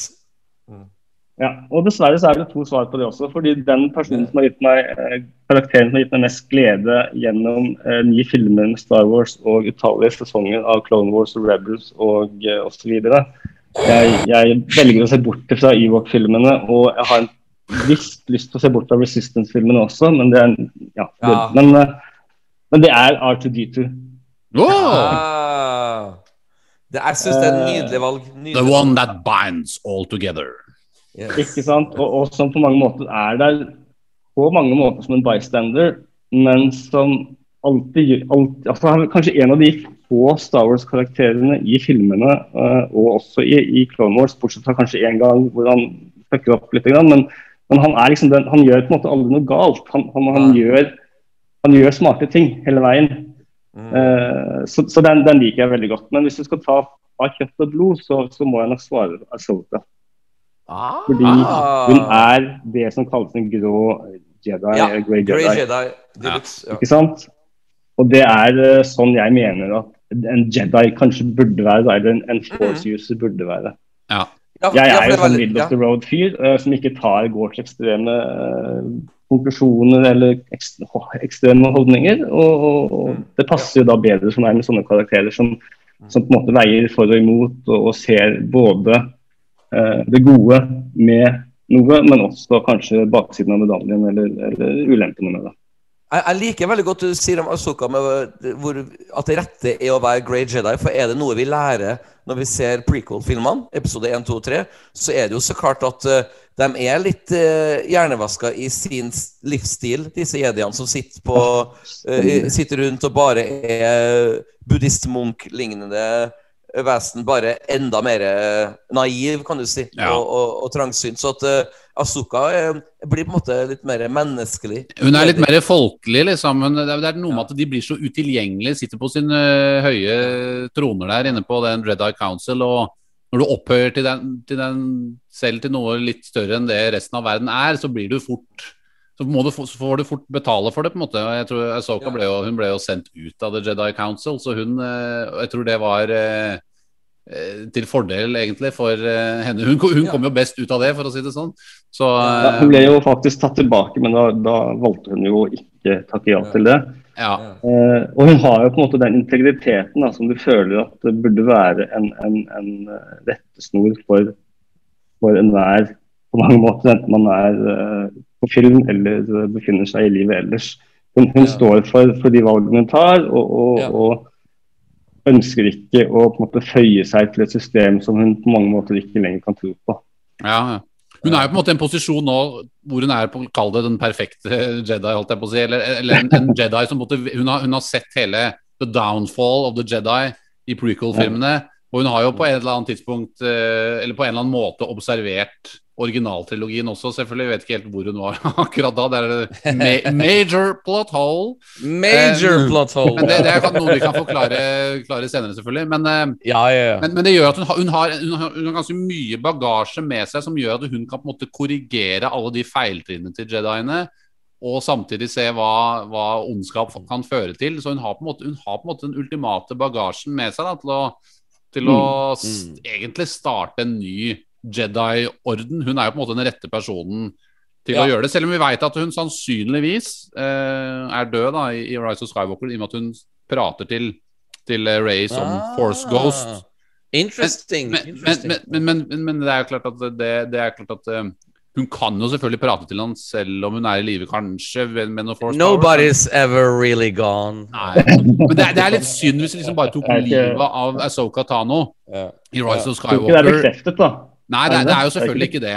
Det er selvfølgelig Ja. ikke det, men, men, men eh, det er litt sånn implisitt at hun liksom dukker opp i den derre Force Ghost-møtet Ja. der. Jo, men samtidig da, kanskje det er litt sånn Er ikke det litt eh, poetisk, da? At, at, eh, at eh, det finnes faktisk mennesker som har vært med på store ting, og vært store mennesker i virkeligheten. Ja. Som på en måte forsvinner ut av tilværelsen uten at noen egentlig Det var ikke bang, det var på en måte bare, de ble bare borte. Altså Det Ja. kan jo Mm. foregå, det også. Det er sannsynligvis mer vanlig da enn det er Ja. uvanlig. Ja. Ja. Så eh, kanskje. Ja. Kanskje. Altså, altså det, det, det, som er, det, det som er interessant ja, Nå skal jeg ikke spoile kanskje noe for deg, Kent, men, men det er jo visse scener som i Rebels som Jeg skal ikke si noe konkret her. Jeg skal bare male Jeg har litt sett rundt hele. Rebels to ganger, så det går helt fint. Og du har det? Du, bare ser, du ser det bare på nytt? Ja, ikke sant? For Ja, den, ja. den siste scenen i episode Nei, i siste sesongen, den er jo visstnok etter originaltrilogien, her går det rykte om. Altså den, den scenen Den hvor er, den er det, så vidt jeg har skjønt. Og Det, det det var også min tolkning av det da jeg så den første gangen. At eh, nå er vi plutselig etter, etter eh, trilogien, og da Ja. kan, eh, da kan uh, disse to damene dra på jakt etter Ezra. ja. Men det, det, det gir dem jo fortsatt det samme forklaringsproblemet på hva gjorde hun da under Ja, ja, ja. ja. Så vi får jo se. Ja, Men men- jeg velger å endre på, på en måte, fortolkningen av den siste Ja. scenen. Ja, det, det, det, det, er sånn altså. Man kan også tenke omvendt også. At, eh, for at når hun dukker opp der, så, så har hun på seg Det, virker som hun måte har vært ute og reist på et eller annet vis der. Så det liksom Ja. Jeg har jo en sånn slags teori om at hun har vært på farten under originaltrilogien, liksom. Og hun har vært på sånn Hva heter She's det? been on a mission. On a mission. Ja, på sånn train Ikke trainspotting, men eh, Hva heter det når du, når du drar på sånn derre Når du drar på togreise som eh, når du er ung tenåring sånn rundt omkring? Å ja. Oh, ja. Interrail. Interrail, ja. Interrail. ja. Galactic Interrail. Ikke sant? Hun, var, hun var jo ganske ung, så liksom må jo finne Kanskje hun har funnet noen eh, grå Jedi-menn. Ja. ja. eh, bare bitte litt tilbake til begrepet grå Jedi. Altså, ikke for å snakke om meg sjøl, men jeg, bare kom på et artig For Kent sa også at du følte deg litt sånn in between to verdener. Og jeg har jobba som artist nå i 23 år på heltid, og jeg er jo ofte innom teater, og så er jeg av og til innom bandkonstellasjoner. Og eh, en beskjed jeg alltid er for, er jo at jeg er altfor rocka til å være i musikalmiljøet, mens jeg er altfor uh, musikal til å være i rockemiljøet. Så jeg har på en måte ikke funnet min plass. Så jeg er på en måte en slags mannlig Asuka. Som, I'm somewhere in between. Så, så når jeg lager musikk, så tar jeg med meg elementer av rockeverden og teaterverden og blander det til en funky gryte, liksom. Men det, det er liksom eh, Så du, det, det, det, så du burde egentlig være min favorittmusiker? Er det det du jeg, jeg, jeg burde uten tvil være din Ja, favorittmusiker. du er sånn smel en smeltedigel av alle mulige sjangere. Ja, ja, ja. Men, men det var egentlig ikke meninga å snakke om meg sjøl, men jeg bare mener at det er sikkert Jo, det sånn du føler deg, du òg, Kent. Ja. For du nevnte jo at du var litt imellom to, to verdener og, og likte deg best i den World between worlds. ja, Mellom ytterkanter, Ja, ja, mellom ytterkanter, ja. ja, ja. Og, og det, det syns jeg er litt fint. Det er, litt, re- en, en veldig reflekterende plass å være i, vil jeg si. Og Det som er morsomt, er jo også det, det, at eh, Arthur D2 er også en av dine Eller var ja, den andre favorittkarakteren din. Da. Det er jo, Ja. for, å kommentere det litt, Arthur D2 er jo veldig morsom fordi at det, man får jo litt medfølelse med Arthur D2, for han blir jo egentlig Han er jo litt mobbeoffer. Han blir jo litt erta av C3PO. C3PO er jo litt overlegen, han sparker han litt innimellom. Og no, he yeah. doesn't like either, og det er litt sånn. Ja, ja, Sånn, når man på en måte får, han er, blir som en sånn liten uskyldig liten valp som man på en måte vil at det skal gå bra med. Eh, og George Lucas har jo også sagt tidligere at hele Star Wars-ninologien, ja. eller hele historien, sagaen, er fortalt på en måte fra dem sine øyne. Man må ikke glemme at Mm. de to er jo de eneste som har vært med alle ni filmene. Og, ja. og andre filmer òg, for så vidt. De er, de er jo med i Rogue One også. ja. Ja, ja, ja. Eh, og Rebels og De er jo med overalt, omtrent. Sånn at eh, de er ekstremt De er en sånn underfundig lite perspektiv å se hele historien og galaksen fra. Så det er veldig, det er veldig interessant å ha det som, eh, som eh, favorittkarakter, egentlig. Ja, jeg, jeg, jeg, kan, jeg kan geeke ut enda med dere, Kent og Knut. Og si at, og nå er jeg, kanskje den mest nerdete jeg har vært noensinne på vår podkast, men jeg er så glad i Arthur Dito. Altså, han er jo på en måte min favorittkarakter av alle. Av den enkle grunn av at hver gang jeg går innom en butikk slik som Outland, f.eks. Dere kjenner sikkert til Outland-butikken, hvor man kan kjøpe masse duppeditter av uh, moderne kultur. Hver gang jeg ser R2D2 uh, på veggen, så begynner jeg å smile. Jeg føler at det en, det er en kompis jeg smiler til, og jeg føler at han smiler tilbake til meg. Og det er jo litt rart, for han har ikke, egentlig ikke noe munn, nese og øye. Øye har det- han riktignok. Ja. Det, det som er så søtt, og det som er så Ja. altså Man blir så fascinert av den karakteren også, er det at det, sant, han sier jo ikke så mye. Men har, Arthur Dito har jo veldig mye moral. Han har på en måte et Ja. moralsk kompass. For eksempel i Last Jedi, da, som Mm. snakket om i stad, så Det første Arthur Dito gjør når han møter Luke Skywalker, Ja. er å Ja. vise han det hologrammet av Leia Ja, fra, ja, ja, fra originaltrilogien. Det er jo et forsøk fra Arthur Dito på å hanke inn Luke Ja. inn igjen. Ja, ja. Eh, Mm. og det, det er så Det er jo fascinerende. Han, har, ikke sant, han, han prøver å gjøre seg forstått. Han prøver med de Ja. midlene Arthur Dito har. Jeg tror det er noe av det Ja. som på en måte fascinerer oss. Da. Jeg, jeg, vil gå så Ja, langt å si at når absolutt. Luke da i Last Jedi ser R2, og så lyser opp øynene til Luke Skywalker, og sier R2, da fikk jeg frysninger. Ja, det var- så, det var- en, så enkel, ja. Ja, det var en fantastisk scene, egentlig. Ja, Ja. ja. Det, og, for de så- har, sier han jo et bånd, da, som, som var helt unikt. Samme båndet som han hadde med Anakin i sin tid, altså R2. Så, Ja, så det er jo ja. det båndet, båndet der er jo ganske sterkt. og det at på en måte han Ja. har, har eh, forlatt R2 eh, for å gå og gjøre sine egne eh, Mm. Waddle in his own misery, som det heter på, på godt norsk. Så, så, så er det klart at det er jo et uh, sterkt gjensyn. på mange måter. Ja. Så ja, nei, Ja. R2 og, og robotene i, eller droidene i Star Wars generelt blir ofte, Ja. de er veldig flinke til å få disse, uh, disse figurene, spesielt de som da ikke snakker. Du kan, du kan ta eh, kan liker gjerne ta han, eh, han eh, i The Rebels, han, han eh, Chopper. Chopper, ja. Chopper. Chopper. Annet. Ja, han, han er liksom han er, De har personlighet som, som skinner seg gjennom, da, og de kommuniserer uten å snakke på en så god måte at jeg tror jeg mistenker jo at det, grunnen til at disse robotene som ikke snakker er så bra, er at de som har ja, så, de som lager dem, de er nødt til å på en måte bruke alle andre virkemidler Mm, for mm, å mm. tydeliggjøre kommunikasjonen. Uh, uh, um, BB8 er jo også fantastisk karakter Ja, ja, ja, ja. ikke sant? Så, så, så det er jo, og Pixar er jo eksperter i det, og de, de er blitt plukket inn sikkert når de skal lage sånne ting. Så, så Ja, ja. det er eh, Ja, Jeg er i, en tidligere, I en tidligere podkast hadde vi en lang prat om BB8, for jeg mener jo at det, det mest geniale fra sequel-trilogien er enkelt og greit BB8. Bare da han leverte Force Awakens, føler jeg liksom var han, han vant meg, iallfall. For det var, det var Star Wars-ish, men det var likevel noe nytt. Og det imponerer meg at man klarer å kombinere de to tingene. Og det er jo det vi vil, ikke sant? Vi vil ha Star Wars. Men vi vil, visste vil dere at eh, BB8 er oppkalt etter BB King? Nei. Nei, han er ikke det. Var Ah, ikke det, ok. Men eh, et siste Star Wars Eller ja, det blir flere spørsmål, men har du et eh, favorittsitat i Star Wars-universet? Jeg likte jo veldig godt det Obi-Wan-sitatet fra Rebels som du nettopp kom med. Men har du noe annet? Ja, nei, altså, det er mange gode sitater, da. Uh, og ikke minst den der, det husker jeg ikke helt ordrett, men den som noen andre nevnte, tror jeg, i en tidligere podkast, med at uh, This is how democracy dies. Oh. Det er jo et fantastisk sitat. det er det. Er det, så- det, er det. Samtidig så, så syns jeg det en av de tingene som er deilig med Star Wars, er at det er slapstick-humor i Star Wars.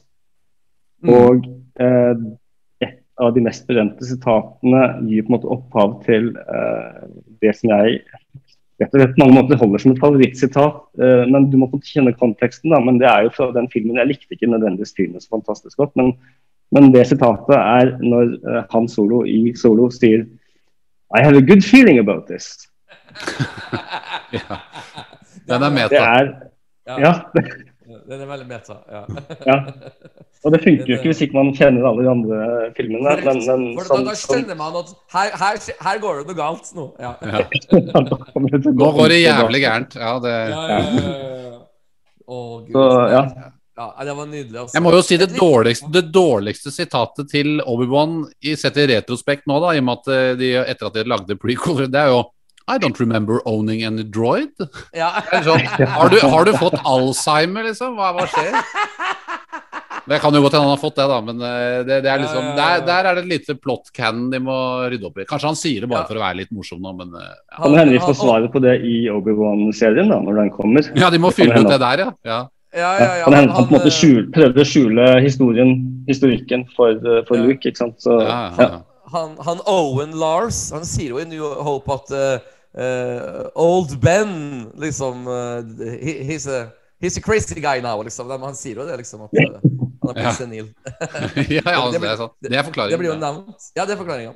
Men du, du skal så klart få et bonusspørsmål, Kent. Og det er altså av, um, av alle de nye TV-seriene som er er nå på vei på Disney Pluss, Andor, Obi-Wan, Bobafett, Lando, The Acolyte osv. Uh, hvorfor gleder du deg mest til Asoka? ja.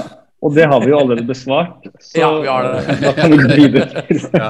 Du er sånn flink skoleelev som liksom Man trenger Ja. ikke å stille flere spørsmål, for du har forklart alt i den første stilen du skrev. på en måte. Jeg vet, jeg vet det. Jeg vet det. Ja, det er sikkert sånn som er ekstremt irriterende for de andre elevene. Men nei, Nei, nei, nei. nei, nei, nei, nei. Eh, jeg liker Dette vet du, for eh, Kent har svart. Ja. Ja, men uh, før vi går videre, så har jeg Jeg hadde, jeg hadde egentlig ikke tenkt å ta med deg her i dag, for at uh, jeg vet ikke selv helt hvor jeg sjøl står. Men det er jo kanskje derfor det er lurt av meg å spørre dere. For at uh, de siste par ukene så har det blitt mye snakkis i Star Wars-forum om den nye Bobafett-TV-serien. Fordi at nå er det mer eller mindre offisielt at uh, Bobafett sitt romskip skal, kommer ikke til å hete Slay One. Og jeg, jeg må ærlig innrømme å si at jeg, jeg, jeg, har- blitt far. ikke sant? Jeg har en fireåring i huset. og Jeg skjønner ofte liksom hvorfor Disney ikke vil fokusere mye på Slave Leia og ta bort den leken fra hylla. Jeg, forstår logikken bak det. Disney har på en måte en slags ramme rundt alt det de gjør. Og Slave One er jo da eh, noe mer eller mindre offisielt eh, Ja, fremtidige leker skal bare bli kalt for Bobafets Starship eller eh, Starfighter. Um, eh, jeg kan starte med deg, Kent. Har du noen tanker rundt det her? Du, forstår du hvorfor, eller syns du det er superteit, eller hva, hva synes du? Da jeg først hørte om det, så tenkte jeg ja ja, Mm. det er sikkert en god grunn til det. Mm, mm, Eh, og så, så ble det jo uh, ramaskrik i sosiale medier, da, og, og folk som kaster seg over dette her. eh, og, og, og trekker nok frem som nok en sånn Disney eh, ødelegger arven etter Ja. Lucas-type argumenter. mm. Og, og sannheten er vel egentlig kanskje bare det at eh, eh, Som noen også har påpekt i disse so sosiale mediene, da, dette skal det skal selges leketøy. Ja. Disney er et familieselskap, vi må ikke glemme det. Det er et selskap som lager ting for hele familien. Og, og de er unnskyld uttrykket, jævlig gode på familien. Eh, til stor irritasjon for de som kanskje ikke er så familieorientert. Jeg personlig er ikke familieorientert, men, men jeg syns det er utrolig bra det Disney på mange måter gjør. Selv om det er både kynisk og forretningsmessig sett eh, sikkert forkastelig på mange måter, så er det Mm. tross alt det er, Disney er et stort, uh, stort corporation, og de, de gjør Ja. som, det som sånne gjør. da. Og det de Mm. vet, er at uh, du har ikke lyst til å selge et skip som heter Slave One til barn. Ikke fordi barna ville brydd seg så mye om det, tror jeg, men fordi tantene eller mødrene eller, Mm. eller fedrene, onklene eller alt eh, i, i hele spekteret som skal Mm. kjøpe det til barn, kanskje ikke har lyst til å kjøpe det hvis det heter Slave One. Mm, mm. Mm. Ja. Uh, jeg jeg syns du svarer nydelig. Knut, vær så god. Jeg er veldig enig i alt her. Altså, vi, må ikke, vi må ikke glemme det at uh, USA er søksmåls- og saksøkingslandet number one i, i verden. Altså, jeg husker jeg så en dokumentar jeg tror det var om Michael Jackson i utgangspunktet. Der var det, jo, det var også et intervju med jeg tror det var Will Smith. Han hadde en egen advokat som, tok, som bare jobbet med søksmål som kom mot helt ville, fiktive, Ja, utopiske søksmål. Eh, det var en dame som hadde saksøkt Michael Jackson fordi hun mente at Smooth Criminal handlet om henne. Altså Hun het Annie. Annie, are you okay? Annie, are you okay? Hun saksøkte Michael Jackson for 70 millioner jeg vet ikke om det var kroner eller dollar. ikke sant? Altså, vi, vi, er, vi snakker om et land hvor det da er et, et, et selskap som kaller seg Disney, som også skal være familievennlig. De blir litt Mm. tvunget til å gjøre sånn. De har jo, Ja. Dette er jo bare en fortsettelse av dette med at de har fjerna rumpa til Daryl Hannah i en annen film, og at de må ha sånne warn Mm. før gamle tegnefilmer. For det er, Ja. det er litt eh, gammeldagse måter å, å formulere seg på i henhold til liksom eh, ja. Kva, Kvasirasistiske utsagn. ja, ikke sant, sånne ting. Ja. Sånn at det, det er et stort eh, problem for Disney. Altså de blir liksom litt tvunget til det, for de vil ikke ha sånne søksmål. De vil ikke ha, de vil ingen vil jo ha masse, jobbe med masse sånne ting. De vil jo fokusere på det som er morsomt, og det er å lage Mm. bra content. Og så må vi jo ikke Mm. glemme det at Slave One Det er jo et kult navn, men det blir jo Mm. aldri nevnt i originalen. Aldri. Aldri Eh, nevnt i noen av filmene. det er hovedsakelig en visuelt kul ting. Det er et dritkult skip, det er jo ikke noe tvil om det. Det blir vel nevnt i Clone Wars en gang, tror jeg du sa. Ja, Petter, to, to ganger Ja. i Clone Wars så hører du damen som bare sier Take him on slave one. Liksom. Det er jo det eneste gangen det blir nevnt. Så det, Ja. mm. Og, det, og det kommer sikkert ikke til å bli noe nevnt, så du kommer på en måte ikke til å merke noe forskjell fra originaltrilogien uansett. Nei. Så jeg, Nei. for meg så er det ikke noe stort problem, egentlig. Eh, Men, men ja. jeg, jeg, jeg, jeg må si jeg blir litt glad, for det, det er jo der så klart jeg også er. Men jeg er veldig sånn um, I pick my battles. Det er på en måte mitt, litt sånn mitt livsmotto. Så når jeg så at folk virkelig engasjerte seg på det her på sosiale medier, så tenkte jeg bare sånn Yeah, I, I, I get it. Og jeg, selv om jeg egentlig bare forsto for noen dager siden halvparten av alt det dere nettopp sa, så var det nok for meg til å skjønne at det er ikke noe vits å hisse seg opp over noe som har en logisk grunn. Det, det sitter oppegående folk på et eh, stort uh, møtekontor i Disney i Burbank, California, som har funnet ut at Let's just call it Boba Fett Starship. Og, og 99,9 av fansen eh, vil aldri reagere engang. Det er Nei, nei, nei, nei. 0,01 som Og det er, som, Kent sier, det er for å De skal selge leketøy. Og det er, det, det er ikke bare det heller at du Jeg tror nok de også har tenkt på dette her med at det, det er ikke bare det at du fjerner vekk et, et eh, litt eh, kontroversielt navn i form av slave, altså slave, Mm. men det er også det at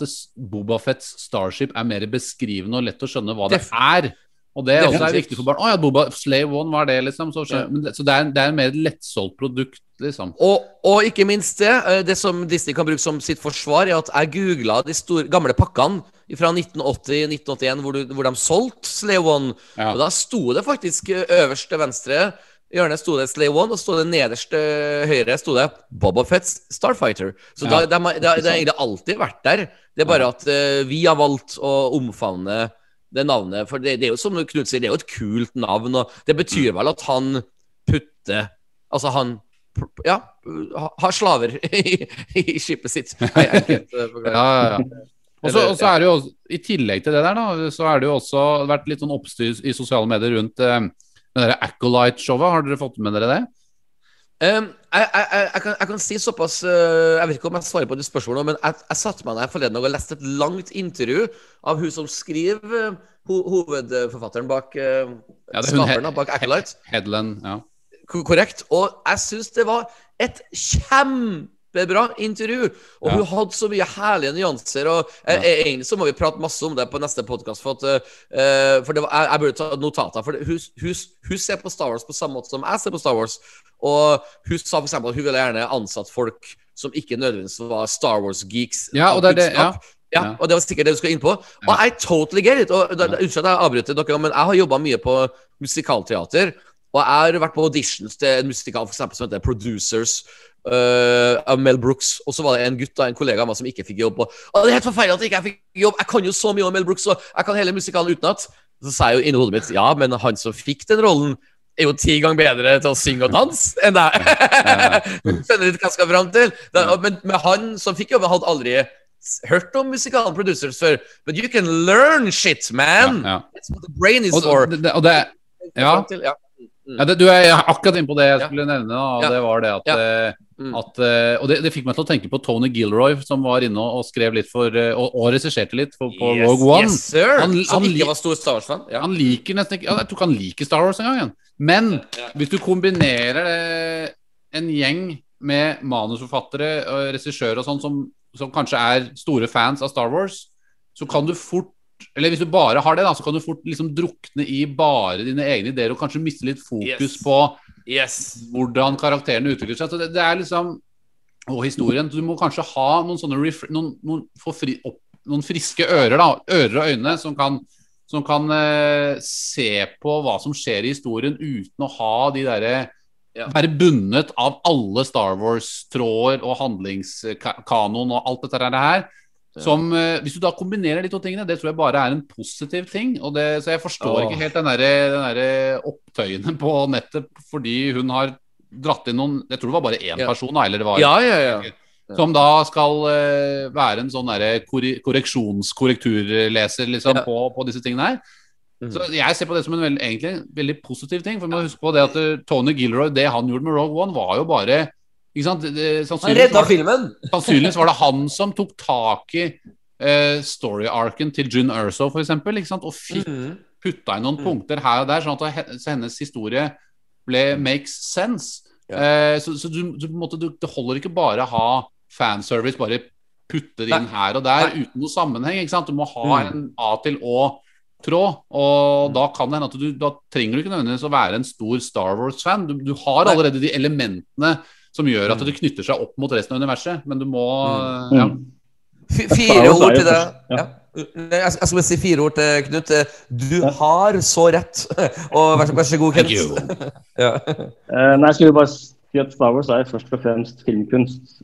Ja. Eh, det er underholdning, og det er, eh, det er kynisk forretningsvirksomhet og osv. osv. Men det er jo også i kjernen av det hele så er det filmkunst da, og hva som får en film til å bli god eller ikke god.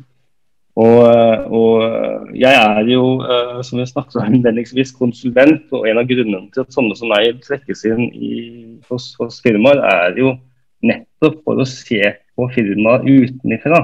Altså se på brand, se på hvordan de jobber med ting. og, og det, det er ingen som er en god betrakter av seg selv. Og det å, på en måte få input fra folk som er utenfor en selv, enten man er en person, en firma eller et brand, det er bare sunt. Og, og Nydelig sagt. Og, um, altså, jeg, jeg kjenner at jeg blir litt sånn eh, engasjert, for at um, det er en sånn YouTube-side som heter for Geeks and Gamers. Eh, Litt sånn tragisk side, for å si rett, for de er så utrolig negative.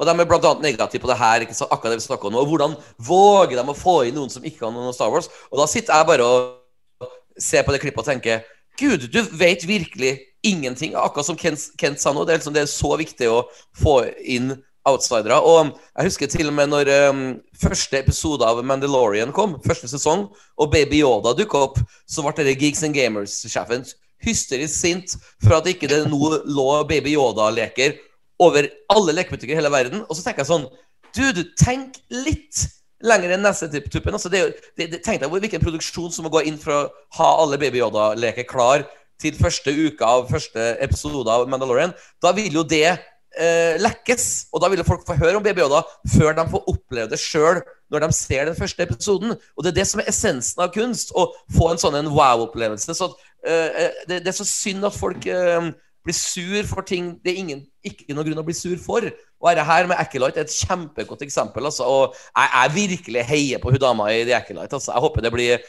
jeg håper det blir så bra at til og med sinte fans bare sier OK, it was good. Sånn Ja, det tviler jeg vel på at eh, du får dem til å si, men, Ja, men, men uh, Tilbake til, til Obi-Wan-sitatet, at vi ser det vi vil se, og, og så videre. Men, Ja, ja. men, eh, men eh, det er eh, folk, folk tenker kanskje litt sjelden over hvor komplisert og vanskelig det er å lage ting. Mm.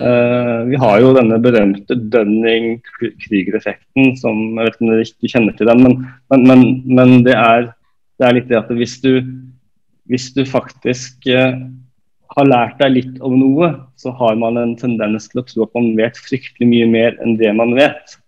Så de som faktisk kan veldig mye om et fag eller om en ting, de vet de ikke vet alt. Mens de som nettopp har lært seg litt, de tror at de vet alt. Og, og det er litt sånn eh, i den Star Wars-fandom eh, og sosiale medier og, eh, og blogger og sfæren og sånne ting, er at folk, folk tror det er så enkelt. Men Ja. det å lage en god film, og spesielt en god Star Wars-film, det er, Ja, må ja, ja. forferdelig vanskelig. Ja, det er jo mange dyktige Nei, det er mange dyktige filmregissører i, Hollywood som takker nei til å regissere regissere Star Wars pga. akkurat det du sa. For det, det er liksom It's too hard, liksom. Å lage film kan være enkelt, men å lage en bra Star Wars-film My God, the legacy of it all, liksom. Jeg, Ja, så snakker vi også om George Lucas og, og de der og, og originaltrilogien og den første filmen, A New Hope. Så tenk på mange måter hvor lett det var. da. For enkelt det var for George. også var det vanskelig på mange andre måter. Han måtte jo finansiere det, og, i det hele tatt at det var nok av utfordringer. Men, men han hadde jo ingen legacy. Ingen Star Wars-legacy han måtte leve opp til. Nei, nei. Det var bare George gjorde det George hadde lyst til å gjøre, og så ble det jo veldig bra. Ja, Eh, virkelig. skjøn, skjønte han jo når han skulle lage fortsettelsen at eh, han kanskje måtte overlate roret til andre som, som var eh, ikke bedre filmregissører enn han, kanskje nødvendigvis, men, eller bedre, men bedre på andre måter. da. Bedre på andre måter, ja. Med, bedre med, med mennesker. Ja, La oss ikke litt opp i det. Men ja, det, Nei, vi, skal ikke det. Du, eh, eh, før vi går videre, så bare kom jeg på en veldig interessant eh, ting siden jeg nevnte Mandalorian. akkurat. Det er jo det at um, forrige tiår eh, var et veldig spennende år for funkmusikk. Det er altså den musikksjangeren som jeg og Knut er veldig veldig begeistra for. Eh, Veldig, go veldig gode i. Veldig gode i, ja, ja. Og det, det som ble på en måte kåra til forrige tiårets aller beste funkalbum, det var et album av han Childish Gambino. Det er for øvrig han skuespilleren Donald Glover som spiller, um, spiller Lando i, i Mm. solofilmen. Han uh, fikk liksom tittelen til å ha den beste funkalbumet av forrige tiår. Og det som er fascinerende med det, er at han valgte en produsent på det albumet som aldri har jobba med funk før. Men eh, Donald Glover hadde mye funkkunnskaper, og musikerne så klart eh, hadde mye funkkunnskaper. Men de fikk inn en helt ny uh, musikkprodusent som bare var som en svamp da, til å ta inn liksom, det- disse referansene fra 70-tallet. Funkadelic, Parliament, Slanted Family Stone, James Brown. Du vet det verden der. Og det var Ludvig Göransson! Altså mannen som står bak soundtracken til Mandalorian. Og det, han ble valgt inn bevisst, for de visste at han var bare en fyr som bare kunne komme inn i et rom og bare ta inn da all, alle de eh, spennende referansene som alle de i rommet har, og så produsere det til å bli et bra funkalbum. Og det er jo akkurat det han har gjort med Mandalorian-soundtracken nå. For at eh, det, du hører at det er Star Wars, men det er likevel mye nytt og nyskapende med dere fløyta som skaper et nytt bilde. Og det er veldig tøft at han på en måte har Mm. laga noe nytt. Så det er bare et, nok et eksempel da, på å få inn en altså, nå, nå, nå kan det jo hende at Ludvig Göransson hadde mye Star Wars uh, i sin barndom, men kanskje ikke nødvendigvis det var det viktigste for at han skulle gjøre en bra jobb i Mandalorian og lage en eh, tidløs eh, soundtrack. For han, han var bare den rette mannen, og det er det som vi snakker litt om med The Acolyte også. Få inn de rette Det er det å ta, ta, finne essensen i noe Ja, ja, og ja. spille videre på det. Eh, Ja. Men ikke gjøre akkurat det samme som, som har blitt gjort tusenvis av ganger tidligere. Uh, Ja. er jo på en måte det med å ta inn få, få en frisk blod, da, som vi ofte snakker om uh, i, Ja. i sånne ting. Ja, og, og der er jo liksom Ludvig Göransson eh, selve liksom eh, eh, han, er, han er essensen av friskt blod. ja. Apropos musikk, eh, hvorfor har ikke dere, som da tross alt er musikere, et spørsmål som går på hva er din favoritt-temamusikk? Å, du, du Knut, det må vi Ja, nå begynne å tok ha du med. oss. Ja, Ja, nå, det- det, det ha med. det, det har du helt rett i, og det Du- er fra nå av helt 100% canon. I er ja, Vær så god, Kent. Du skal være den første som får lov til å svare på følgende spørsmål. Hva er ditt uh, favoritt... Eh, du, Knut, du kan få stilt spørsmål, for du kan ordlegge deg litt bedre enn meg. uh, Kent Barvin, hva er ditt yeah. favorittema i, uh, av eh, Star Wars-soundtracket? Ja, vi kan jo egentlig ta og Det omhandler alle eh, seriene, TV-seriene, animasjonsseriene og filmene. da Hva er din favoritt-soundtrack? Ja. Tema. Skal vi gjøre det litt vanskelig å si at det er forbudt å svare Imperial March eller Main Theme? ja, vi kan godt gjøre det. Ja, da, da, da Ja, må man svare ja, Imperial March. Det er liksom ikke Ja. mulig å komme unna. ja, du har et bra poeng. Det er litt sånn Empire Strikes Back-situasjon. Men Ja. eh, Ja. hva med eh, da, da blir det jo så klart ditt svar da, ra, ra, ra, ra, ra. Da, ra, ra, ra, ra, ra, ra. Ikke sant? Det er jo det som Nei, blir det ikke sant. Ja. Team. Ja, ja. Eh, Ja, vi må ta bort det nå, da. Fordi jeg, jeg, jeg tror det Hvis, beste hvis, hvis, vi, hvis, vi ikke hører, hvis du tar bort all Star Wars-musikk, hva er ditt favorittema? ja. Nei, vær så god. jeg tror på mange måter at det er litt, det er litt artig, for det, min, min uh, minst likte Star Wars-film er jo uh, Attack of the Clones, uh, episode 2. What? Det er en film som jeg, jeg sliter hver gang man skal gjennom den. liksom. Eh, Ja. Ja. og spesielt på grunn av en mye pga. en spesifikk scene hvor, hvor, hvor Anakin og Padme er på, på Naboo og liksom har seg. Det var overraskende. Ja. det. Ja. Men musikken Eh, er, der er fin. Ja. Ikke fordi at jeg har noe imot uh, at de har seg, for så vidt. Nei, Eh, nei. nei, men musikken der Across Ja, the Stars fin. Heter det, det, det, Ja. den, um, det stykket. Er på musikalsk sett, som hvis du bare Ja. lytter til den, er veldig fin. Ja, Jeg, ja, Jeg jeg, jeg, jeg tror enig. jeg skal gå for den. Er det den musikken som uh, går opp i et klimaks, og så plutselig blir, blir brutt når, uh, Når du skal kysse, Padme ikke, Padme ikke Ja. vil kysse? Det er litt komisk. Det er litt Ja, sånn Benny, ben, altså Musikken er fantastisk, men det er litt sånn Benny Hill-moment. Altså, jeg har valgt sånn er derre nå, Ja. nå, nå, nå stopper platespilleren akkurat idet leppene treffer Ja. hverandre. Det er Ja, sånn sånn, ja, sånn uh, Ja, ja, ja. Det er sånn Det er Vi- vi- vi- Men, men jeg er helt enig. Det temaet der, Kent, er helt oppe i eh, altså solo, Han Solo og Leias theme. Ja, ja, ja. Altså i, i, kvalitet, på en måte. Ja, det er litt Ja, samme det, er, det er så mye fint, da. Så, så, men hvis han skal velge noe, så har jeg litt lyst til å velge den. For det er, på en måte, det er litt paradoksalt for min del, da, siden jeg egentlig ikke kan fordra den scenen. eh, og, Ja, ja, ja, ja, og filmen har et anstrengt forhold til filmen. Så ja. Ja. Men det, det var veldig artig. Jeg, jeg må, det, det, som Knut sier, det vinylstiften på vinyl Og så stopper jeg liksom. Og jeg var jo på premieren på Attack of Clones i Oslo Colosseum, og hele salen uh, brøt ut i latter. Så det, det, det to, Knut, Knut har helt rett. Det er en Benny Hill-ish vind Ja. over den. For at alle begynte å le. For man trodde det skulle bli skikkelig eh, Ja. bare, bare fortsett med klining. Men, men du, du, du Jeg, jeg trodde man måtte være på min alder for å, for å, å ta Benny Hill-referanser. Men det må man Ja, ja, ja, altså ikke. ja, ja. Benny Hill har gått i reprise i flere tiår, husker jeg, på NRK Nei, NRK, TV3. Ja, jeg, tror, jeg tror det var TV3, Ja. stemmer. Ja, ja. Tidlig 90-tallet. Men det, jeg tror Benny Hill har slettet med den, sin humor nå, med hashtag metoo, for det er veldig mye puppetafsing og lårklåing. og. Det er nok ikke så veldig politisk korrekt eh, lenger. Nei, Det er det ikke And now guest star Bill Cosby. Eh, Bill Cosby eh, og Benny Hill gjør en sånn metoo-show. Ja. Nå skal jeg prøve å forklare noe til deg, Kent, som jeg ikke helt vet hvordan jeg skal klare å forklare. Så her blir spennende. Nå skal jeg bare ta, ha tunga rett i munnen. For at du sa noe interessant med den scenen der, at du liker musikken, men du liker ikke uh, selve scenen. Og de, de der, er, der har jeg begynt med noe unikt de siste 30 årene. Og det at jeg klarer å lage en fantasi over elementer av scener som jeg ikke liker. Og, og gjøre det bedre. Jeg har det som med, med musikk òg. Hvis jeg hører eksempel en bassgang som mangler en tone, så legger jeg inn den tonen i hodet mitt, så låta blir bra i mitt hode, men ikke i andre sine ører, hvis du skjønner hva jeg mener. Og det, det, Mm. det, det, er akkurat som jeg lyver til meg sjøl, men jeg blir fornøyd med det, hvis det høres logisk ut. Så, så jeg har en tendens til å kan se liksom eh, sånne Starship Troopers og Showgirls og du vet sånne nederlandsk eh, regisserte filmer, og se forbi feilene, og heller bare en, så lager jeg heller bare en eh, fiksjonell jeg, Sorry, nå, er jeg helt ute å kjøre her, men jeg, jeg, jeg er inne på noe eh, Jo jeg da, tror det handler om nei da. fantasi. Jeg, Jeg, bruker bare redd av og til scener. Ja. ja, Ja, man kan jo prøve det. Eh, det, det er hele sekvensen da, som jeg, jeg misliker. eh, Ja. Fra han, at Anna kan drive balansere på disse ballonghestene, eller hva det er for noe. Flåttkule. Ja. Ja, ja, ja, Ja. Det er altså borreliose fra en annen verden, hvis de Ja. biter.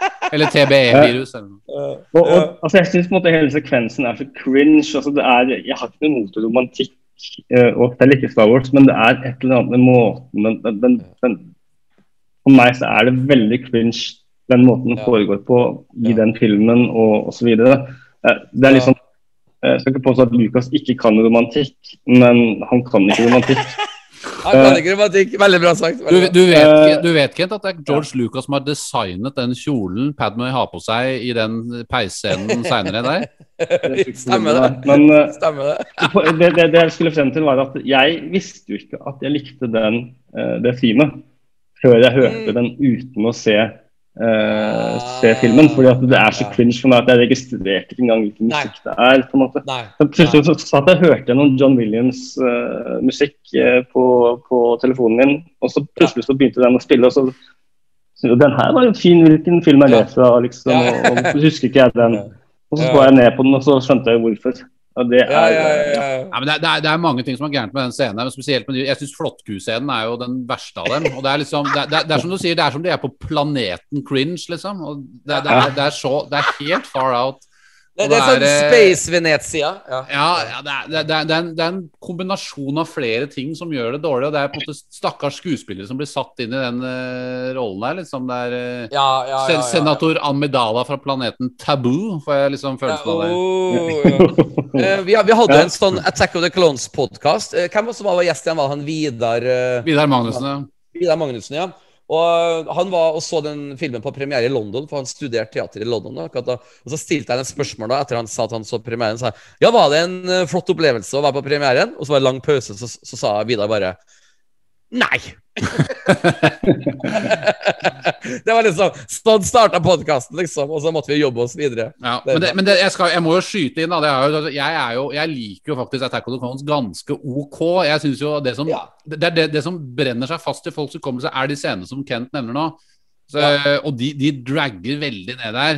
Eh, sant? Det er som å ha et ekkolodd på 30 kilo på pungen, holdt jeg på å si, liksom, som, som drar ned hele greia. Ja, ja, ja, og, det, og det er jo liksom og, og, Men det, Attack of the Clones har veldig mye kult, faktisk. Ja, jeg. Mye, det er mange som har Attack of the Clones som sin Star Wars favorittfilm òg, da.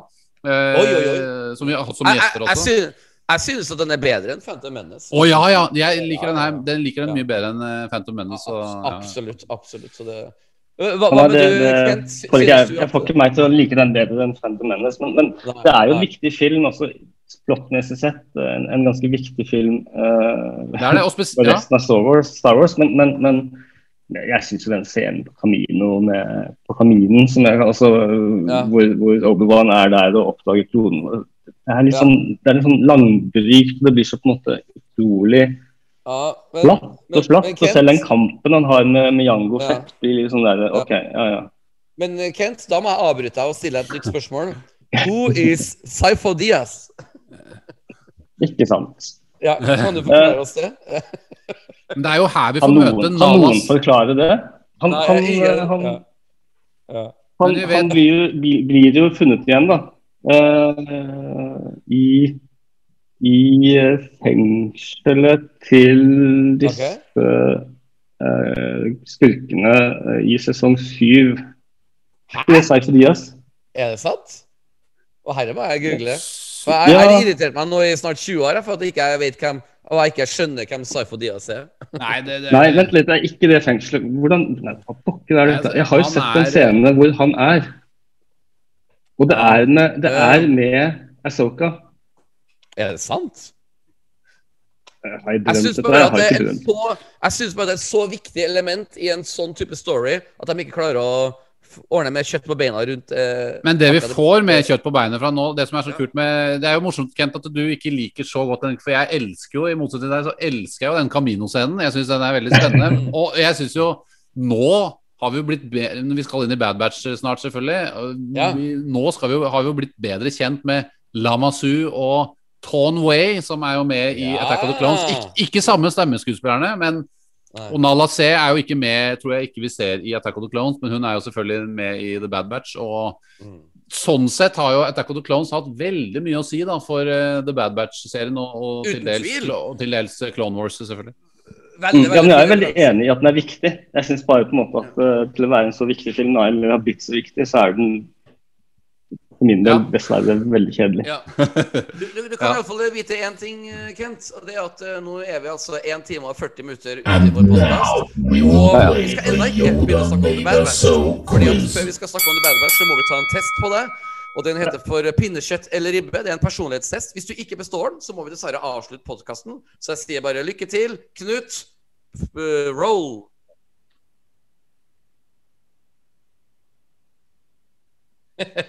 Det er ingenting å være redd for, Kent, men eh, jeg skal si to ord, og du må si det ordet som eh, du liker best. Og hvis du føler for å forklare det, så har du lov til det. Er du klar? Yes, jeg skal til og med prøve å være litt effektiv hvis jeg klarer, i og med at jeg har Nei. brukt to timer allerede. Men, Å men nei da, det går bra. Vi starter Ja, det går fort. spørsmålet. Eh, Hva foretrekker du? Pinnekjøtt eller ribbe? det blir pinnekjøtt, rett og slett. Det er fordi at du kommer fra sørligere plasser i Norge. Det er sikkert derfor. Nei, der, der spiser man ribbe, faktisk. Altså, der oh, ja. lista som jeg har vokst opp på, spiser man ribbe eller torsk. Mm. Eh, så pinnekjøtt er, en, en, eh, en, eh, er den smaken jeg har på en måte okay.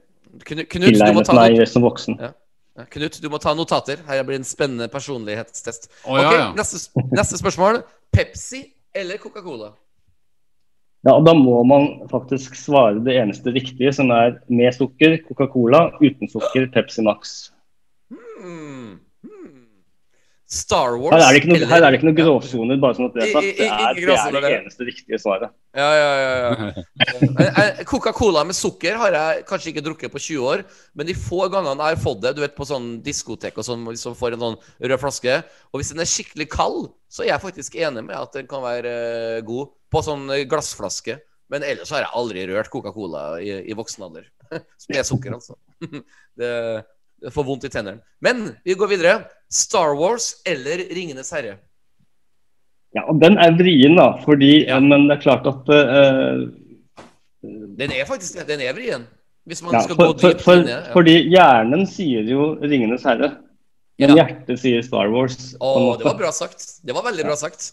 For jeg, jeg mener ikke at vi skal snakke om det, men Ringenes herre er jo en mer dypere story enn Ja, Den litterære verdien av 'Ringenes herre' er ekstremt høy, da, føler jeg. Ja, Selv om ja. eh, som, som, som, som forfatter så var jo faktisk J.R.R. Tolkien relativt uh, lite strukturert og, og dårlig, men, men uh, det er jo det er, det er på en måte et, et mye større verk, og som, som jeg vet ikke om det Ja, regnes ja, som en klassiker, men den, den vil jo bli en klassiker en gang i fremtiden. Og, og ja, ja. Og, og Star Wars er jo egentlig noe kommersielt fra litt av utsiden av Hollywood. Riktignok San Francisco, så det er jo ikke helt Hollywood, men det har jo blitt kommersialisert til døde, skulle du si. Og Ringnes herre har på en måte fortsatt klart å holde litt på dere kredden, ja. hvis man kaller for det. Det var et vanskelig spørsmål. Du har helt rett. Mm. Folk som går rett på Star Wars, tror jeg aldri har eh, Altså, folk som går rett på å svare Star Wars på dette spørsmålet, føler jeg ofte ikke tenker gjennom egentlig hvor dypt det spørsmålet her egentlig er. Så Ja, nei, Det er et veldig godt spørsmål, Petter. Ja. Takk, takk. Uh, neste spørsmål. Uh, enda viktigere. Batman eller Superman? Batman. Mm. Nå kommer et vanskelighet. Han Skal jeg bare, jeg skal bare begrunne den, bare to, to, to Ja. setninger om det. Det er fordi Ja. at min, min jeg, jeg har jo sett Man of Steel og greier, men, men min, min erindring av Supermann er den gamle 80-talls Supermann, uh, som er den perfekte helt. Og det Ja, er så kjedelig. Ja.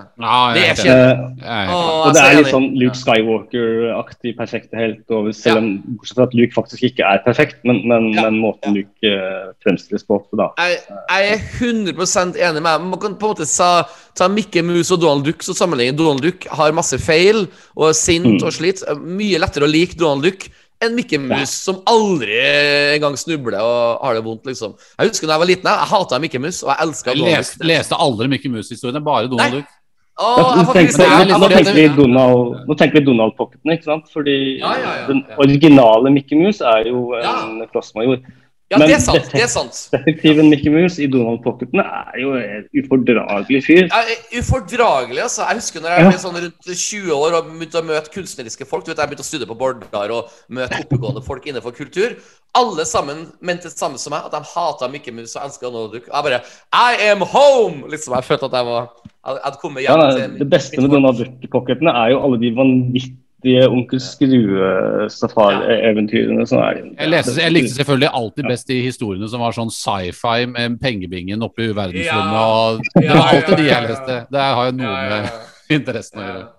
Jeg, jeg tror jeg er litt sånn autist. Jeg husker fortsatt på alle historiene jeg har lest gjennom alle disse de, ha, de hadde faktisk en historie som er veldig Star Wars-inspirert. Mm. Eh, hvor det var noen onde fraksjoner, fraksjoner eh, og noen galaksegreier. Jeg husker ikke hva den het, men det Ja. var, en, det var en pocket som jeg lette lenge etter i flere år på Ja. alle hyttene. holdt jeg på å si. Har- Det var, det var, Mm. det var ikke det jeg mente, men, eh, men forskjellige steder den kunne være. Og så eh, Den var dritkul, husker jeg, for den Ja. meg om Star Wars.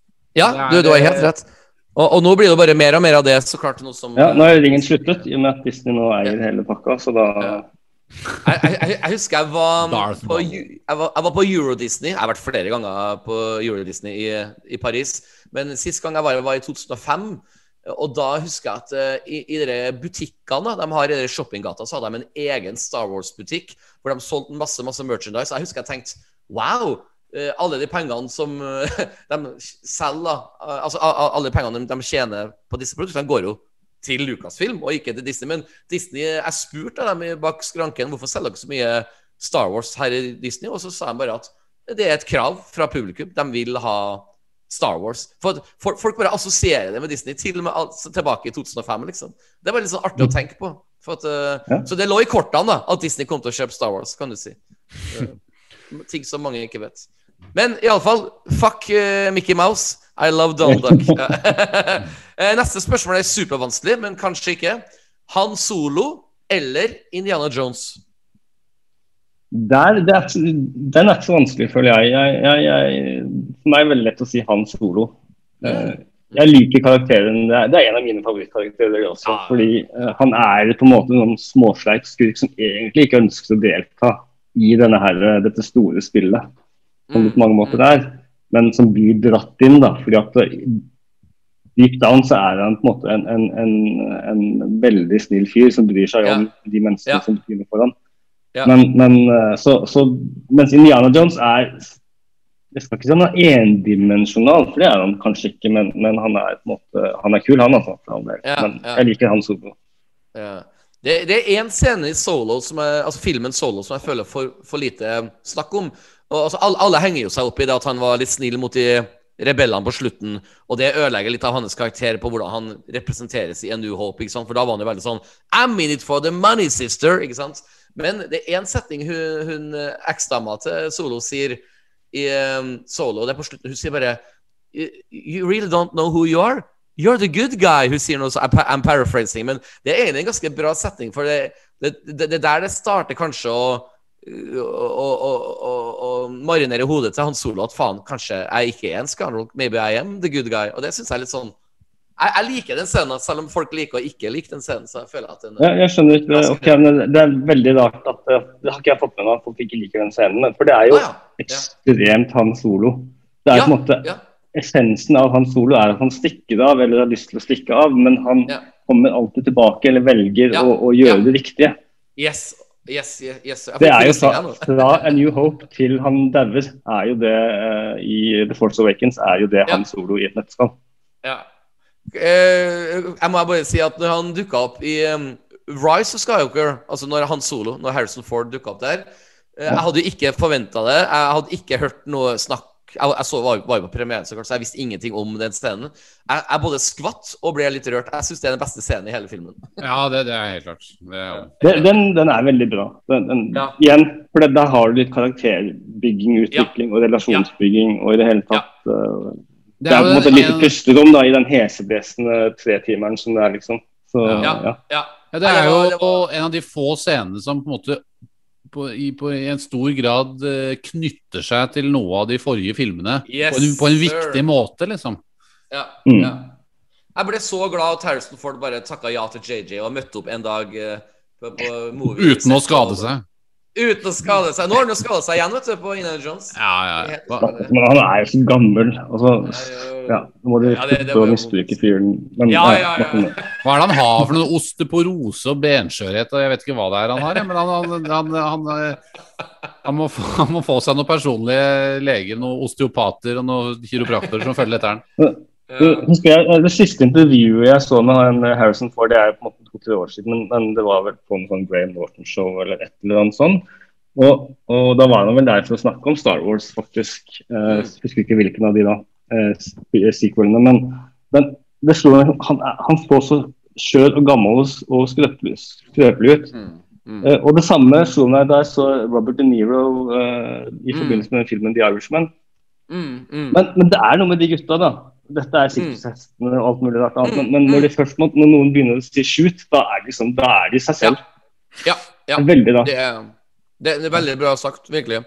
Neste spørsmål, Kent, er litt artig, for siden du er i den alderen du er, sånn um, åtte-ish år eldre enn oss, så har du faktisk litt referanser til neste spørsmål. Om det er Hva er best? The Police eller Sting?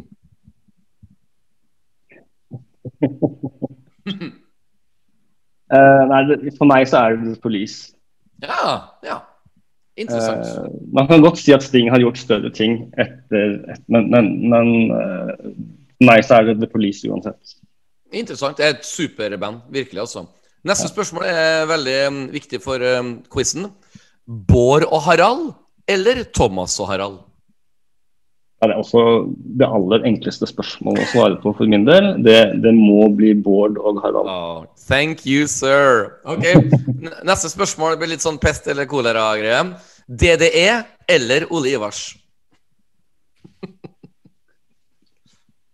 Ja, her er det sånn en none of the above eh, som egentlig er uh, Ja. Men, men, men eh, skal, jeg, skal, skal man måtte velge, så, så må det for min del bli det det er. Ja, det må de representerer på en måte kjernen av, av Ja. norsk kultur og trønderrock på veldig, på en veldig god måte. Og det er jo faktisk utrolig dyktige folk, da. Kan man Ja, ja, like eller ikke like stilen, men, men, men, eh, men eh, altså Vinsjan på kaia er jo f.eks. en fantastisk fin låt. Ja, og, og E6 òg, faktisk. E6 har bra Ja, tekst. absolutt. absolutt. Det, jeg ble litt rørt da når jeg plutselig forsto teksten på E6. Jeg hel- helvete, her er jo bra skrevet. Det, det, det, det, tok meg noen år før jeg egentlig lytta til teksten og skjønte oi, det handler om noe helt annet. Så det var litt sånn artig. Ja, det, det drukner jo veldig i, i rumpa mi og herregud Ja, ja. og sånn, men, men hvis du ser på resten av det de har produsert, så produserer de faktisk ganske mye god trønderrock. Uh, eller trønderaktig rock, vil jeg kanskje kalle det. Um, jeg hørte en historie, en liten digresjon. Han Gitaristen i DD, han som ikke lenger er iblant oss, han um, um, gjorde en kompis av meg en eventjobb sammen med. Vil si at uh, en kompis av meg har et sånn superbra backingband på disse firmafestene. Og så skulle han da fronte med sin gitar, og Bjarne Brøndbo skulle synge. Og så snudde seg mot da disse eventmusikerguttene Så Jeg orker ikke noen jævla sånn flinkismusikere bak oss, altså! Selvfølgelig. Ikke jeg. Ja, unnskyld. Ja, ja.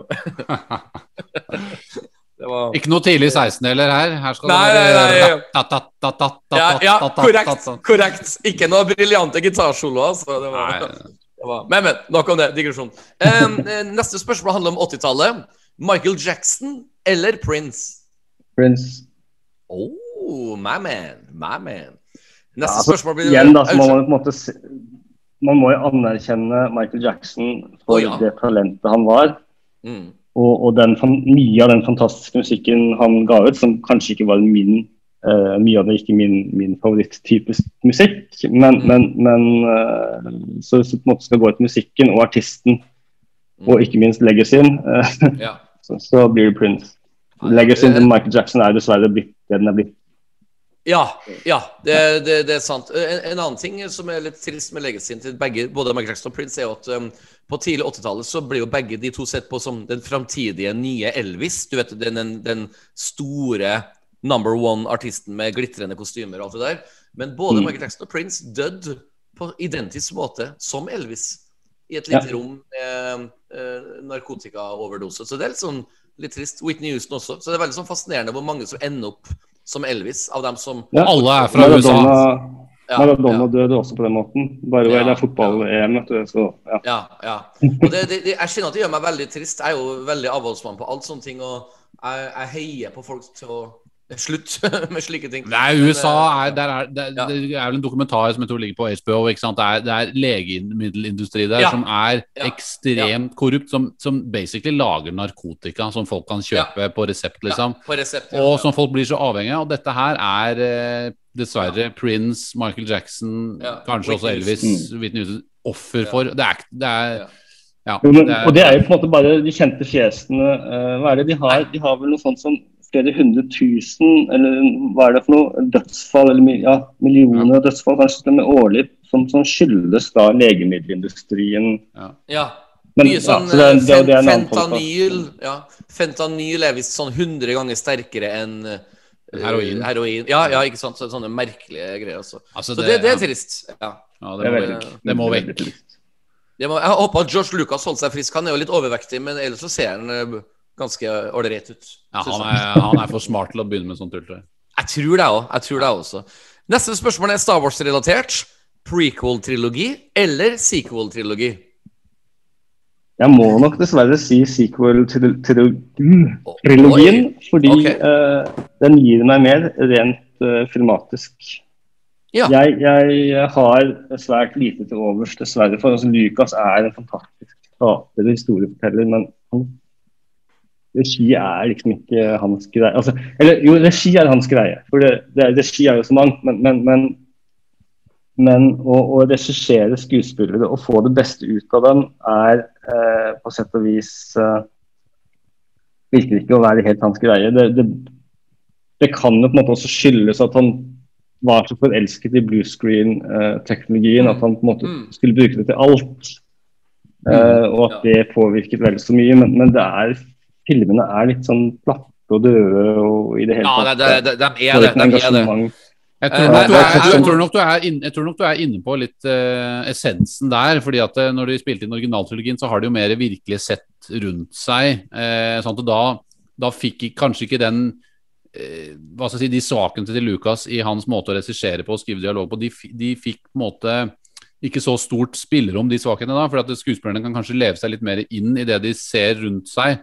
Mens det blir nok Hvis, ikke, hvis du har liksom masse blue, og blue screen og green screen, og du ikke i tillegg på en måte drar ut det beste av skuespillerne, eller kanskje ikke helt selv ser hvordan det ser ut der og da, så blir det liksom litt halvveis, kanskje.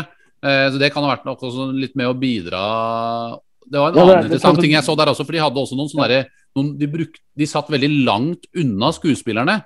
Eh, og brukte noen veldig små monitorer, spesielt på de første Mm. to filmene, tror jeg det var. Og så fikk de noen nye monitorer på Revenge of the Sith, som, er, som jo er mye bedre eh, på alle måter, egentlig. Også dialog og pre pre Ja, veldig, veldig godt poeng. Jeg, jeg har, en av mine teorier er at disse store skjermene de hadde på, Revenge of the Sith, gjorde at de kunne se mer detaljert hva, hvordan skuespilleren fremførte replikkene sine. Også, da. Ja. Min uh, favorittfilmregissør uh, of all time er Quentin Tarantino. Jeg må bare si det. Og når du ser sånn behind the scenes på Pulp Fiction, når John Travolta står på denne scenen og danser på, i den dansescenen, rett bak en så er det et stort kamera.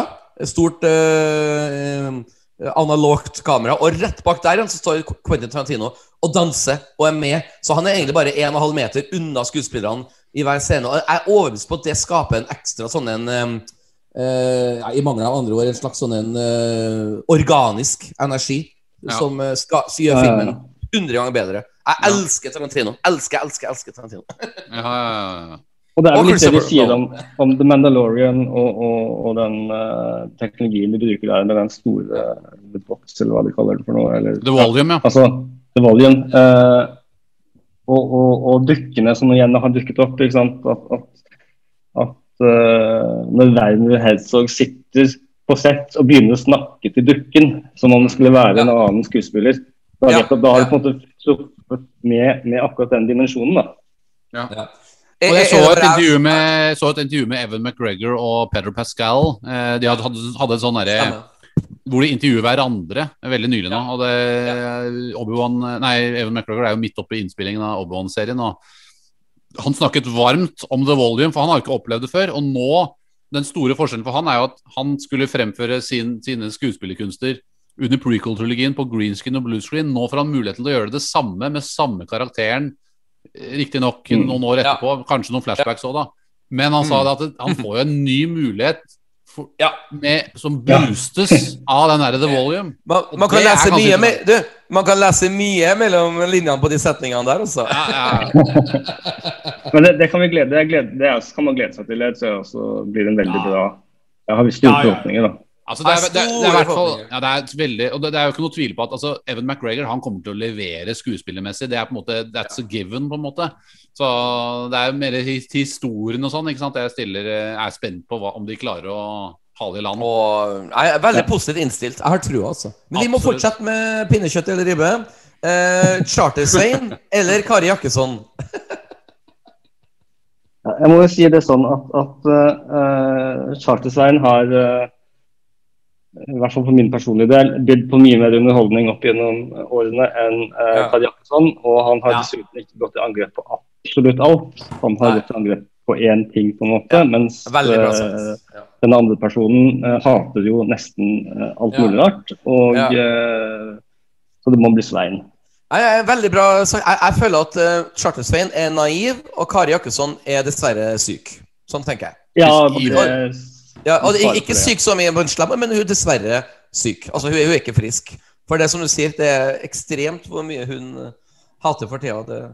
Men, men, vi skal holde oss på positiv side. Men det, det er interessant, for de får jo plass i media. Og det Charter-Svein eh, tror jeg bare hangs with the wrong crowd. ja. Men vi har noen få spørsmål til. Vil du ha sjokoladen din i kjøleskapet, eller skal sjokoladen din være i romtemperatur? Ja. Jeg vet at det riktige svaret er romtemperatur, men jeg Ja, er foretrekker den faktisk fra kjøleskapet. Wow. Så du er- vet at du tar feil? Liker den knekken. Ja, jeg vet at jeg tar feil. Teoretisk sett. Ja, ja, ja. Det går bra. Padmay eller Leia, hvem vil du være sammen med? Nei, det må bli Leia uh, hvis man eh, skulle velge mellom de to. Ja. Uh, Pad Padme er kanskje mer sånn billedskjønn, det har jo med skuespillerne å gjøre. Uh, Ja, ja. Men, men Leia er, er jo en en, Ja. ja, hun er jo en mye bedre, altså, fantastisk karakter. Ja. Og, og Carrie Fisher var jo en fantastisk karakter i seg selv. Ja. Så, så, Ja. Og aller siste spørsmål, så er vi ferdig med hele pinnekjøtt eller ribbe. Aller siste spørsmål, som er veldig relatert til deg og ditt yrke. PC eller Mac? ja, jeg har valgt å gå for The Empire. Jeg kjører uh, Apple hele veien. Og eh, er veldig fornøyd med det. Det er et liv som er mindre fritt, men frihet er av og til litt overvurdert. eh, fordi Og det er som du snakker du, det er lo, du er Loke, rett og slett. Ja, jeg er Ja, ja, Loke fra The Avengers. Serie. Ja, og Gud for en serie. Oh, by the way. Men, men, ja. oh, nydelig. Nydelig. Ja. ja. Men, uh, men ja, det er litt sånn altså, hvor, altså Full frihet er ikke nødvendigvis uh, uh, gir ikke nødvendigvis noe lykke. Så, så jeg har valgt at uh, i min hverdag uh, når det gjelder IT-verktøy skal være mest mulig friksjonsfri, og da Ja. funker den Apple. Ja, Jeg, er jeg, jeg er enig med deg. iPhone, iMac, eh, Macbook, alt. Men Knut, du er PC-mann, ikke sant? Jeg har, jeg har alt, det. Jeg har Mac, og jeg har PC, og jeg har Windows, og jeg har Android-telefoner, og jeg har iPader. Og det, så det er liksom litt eh, Jeg klarer ikke la være. Jeg må ha liksom alle mulige gadgets. eh.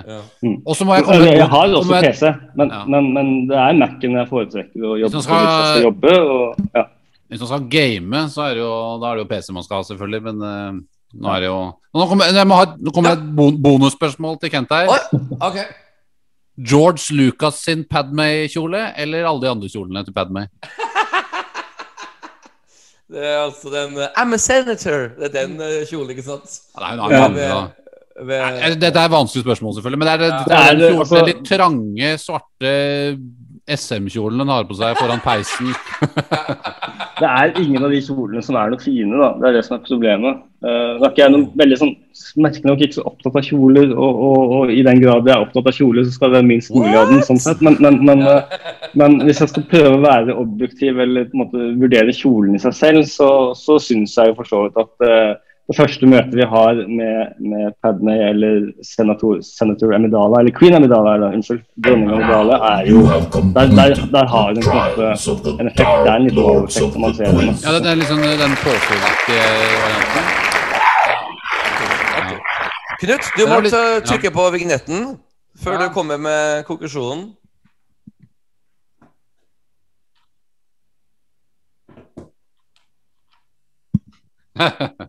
Ok. Kent, Så Knut, Knut Løksen, du skal få lov til å avgjøre om eh, Kent kan få være med videre eller ikke. Nei, han får ikke det, så nå Nei, nei han, han har absolutt bestått. Eh, han, eh, han liker Leia, han liker jo da moren bedre. Han liker, han liker The Milfs. Han, eh, han, liker, han hadde seriøst svar om kjoler. Så han, eh, Ja. han sier han ikke kan mye om kjoler, men han, jeg fikk et langt seriøst svar, på en måte, så det, det var på en måte litt Vi, spennende. vi, vi, vi, vi vekka opp lidenskapen. Ja, ja. Han Eh, jobber I med data, mange men skulle tro, så har jeg Ja, unnskyld. uh, bare fortsett. ja, så mange ikke skulle tro du har masse kjoler. Som du Nei. I motsetning til, til det mange kanskje tror, så, så altså, Jeg må ikke ha en mening om, om alt, men Ah. jeg klarer fint å ha en mening om det meste. Hvis Ja, ikke jeg får tenkt meg om litt. Ja. Ja, altså, Du var veldig klar på Bård og Harald, Thomas og Harald-spørsmålet. Der, der, der Ja. nøla du ikke. Han Det klarte ikke ja, der er han, han, han sleit med Star Wars og Ringenes herre. Da. Der, der skrev jeg bare Star Rings. Skrev jeg der. War of the ja. Ja, ja, ikke sant. Men ellers så var det ganske godkjent, var det ikke, Knut? Cola og Pepsi Max det er to, også to helt eh, Det er jo motsetninger, da. Uten sukker. Og Pepsi er jo liksom fandens drikk, mener jo de som elsker cola og sånn, men ja, ja, så, så, du, du er på en måte en, fyr som favner over alt. Du kan, du kan akseptere og svelge mye. Har jeg rett i det? Ja, det hørtes verre ut enn det kanskje er, men ja.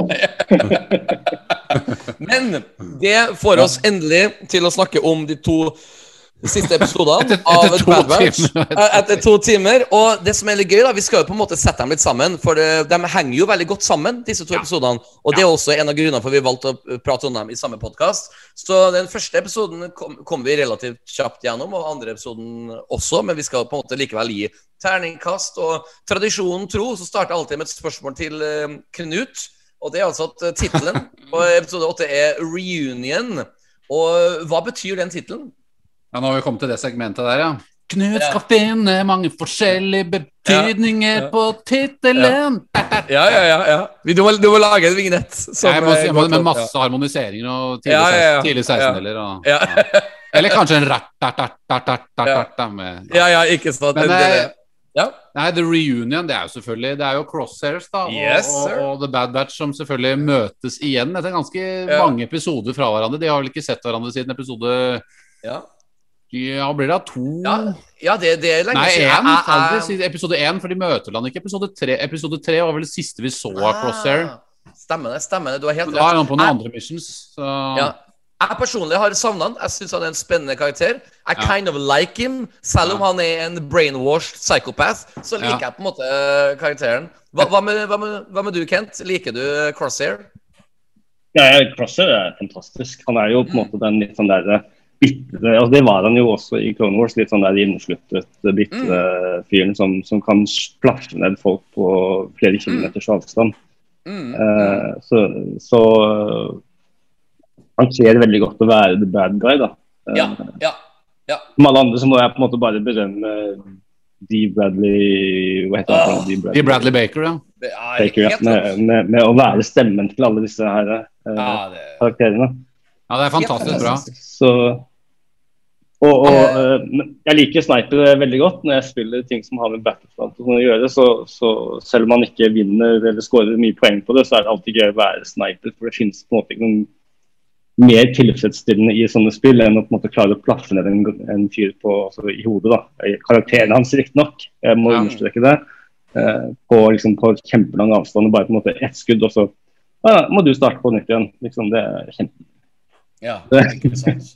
Det som er fascinerende med Crosshair, er jo det at eh, han, mens vi snakker om han litt, han er jo måten, Ja, ja. Jeg har jo sagt det før, men han er jo en sånn variasjon over et tema à la Darth Vaders tragedie, liksom. eh, Med Mm. dette med at han Og det får de enda litt mer fram i den episode åtte her nå, hvor han blir Ja. selvfølgelig brent i trynet av den derre Star Destroyeren, som vi kommer til Yes, etterpå, selvfølgelig. Yes, Så det er på en måte, han har en slags sånn derre fall Han kommer selvfølgelig ikke like mye fra den ja, altså Han kommer jo fra den gode siden, men han har noen personlighetstrekk, i likhet med kanskje Anakin, at, han, som på en måte kan gjøre at han heller mer mot en, mørke side, en mørk side. da Ja. Og det er jo noe selvfølgelig Imperiet utnytt, benytter seg av og utnytter, men men det er, det er noe med liksom måten han kommer ut av den der shuttlen sin også på, ikke sant, Ja. i episode 8 Ja. der, sammen med Clone Trooperne og de andre Jeg kaller dem Stormtroopers, for det er på en måte en slags begynnelse på det. Ja. Så, er det, så det minner meg veldig om den scenen i Revenge of the Sith, når Anakin går rundt med Clone Trooperne der. Det er sam, akkurat samme mørke stemningen. Så Mm. det, er, det er helt klart en sånn, eh, sånn eh, Vader-esk tema som de er litt er inspirert av i Crosshairs uh, historie. da Jeg, jeg noterte meg i mine notater her at uh, Crosshair is getting the Anakin treatment. Og da Ja, altså ja. At han blir brent i ansiktet. Og det er litt kult. Det er litt sånn It's like poetry. It rhymes. Må også få en vignett. ja. Like poetry, it rhymes. Ja. Men så merker vi jo også at uh, Admiral Rampag, eller Rampage jeg husker ikke hvordan han- Rampart. Ra- Rampart, takk. Eh, han er jo på Camino og snakker med statsministeren. Og det, det her føler jeg er en veldig viktig scene, for du får, føler at eh, nå er ikke lenger eh, imperiet kunder av Camino-folket, men, de- men de er på en måte det er dem som styrer skuta, liksom. Hvis du skjønner hva jeg mener. Litt sånn sånn Ja. eh, Erna Solberg er på vei ut av statsministerrollen, liksom. Enten hun vil eller ikke. Det er litt sånn type vib. Det er bare det at eh, Lama Su og Erna Solberg har litt forskjellig body mass-indeks. ja, det er sant. Men eh, mitt, eh, mitt spørsmål til deg, Kent, for du har jo snakka litt om eh, Camino tidligere i podkasten her. Um, jeg, blir litt sånn, litt sånn intrigued hver gang man går tilbake til Camino-scenene i Bad Batch, for jeg syns det er et spennende setting. Men syns du det her er spennende, når admiralen Rampart snakker med Caminoere, eller er det på en måte litt sånn eh, bare Du vil bare vente til neste scene? Nei, altså Camino, eh, spesielt da med tanke på, på The Clone Wars-serien, Ja. Er, eh, er spennende, det altså. Eh, det er Ja. kanskje bare den scenen i selve filmen som, som for meg ikke fenger. Ja. Ja, jeg forstår. Eh, Jeg forstår. Men det er, det er mulig at jeg ser den sannheten jeg vil se der også. sånn sett At jeg ikke likte den første gangen osv.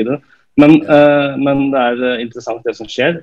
Og, Ja. og Kevin Owens er jo en, en kjempefin uh, Hva skal vi si form for uh, krigsprofitør, da, som, som Ja. hvor det kan trekkes paralleller til uh, virkelighetens verden på veldig mange, veldig, veldig mange Paralleller- områder. Paralleller Ja, ja, ja. til Norge. Paralleller til Norge. Ja, eksempel, kanskje det. Eh, Jeg skal ikke se bort fra det. Eh, Men, men ja.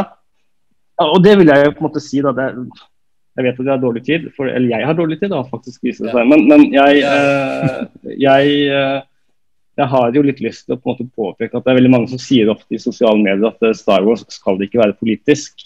Mm. Og det syns jeg er så rart, for Star Wars har alltid vært politisk. Og Ja, ja, ja. ja, motivasjon eller på en måte inspirasjon til å lage Star Wars kommer jo fra politiske eh, ting som har skjedd i politikk og i, i, i, i sosiopolitiske hendelser i, i de tidene hvor den filmen ble laget, eller like før. da. Ja, ja, ja. Vi ser jo veldig mye av det samme i rundt, eh, rundt um, uh, prequels. At, at det er på en måte inspirert, inspirert av, av politiske og sosiopolitiske hendelser. Og vi ser tendenser til det i, i the sequels. Og merkelig nok så er det flere som har reagert på at det er politiske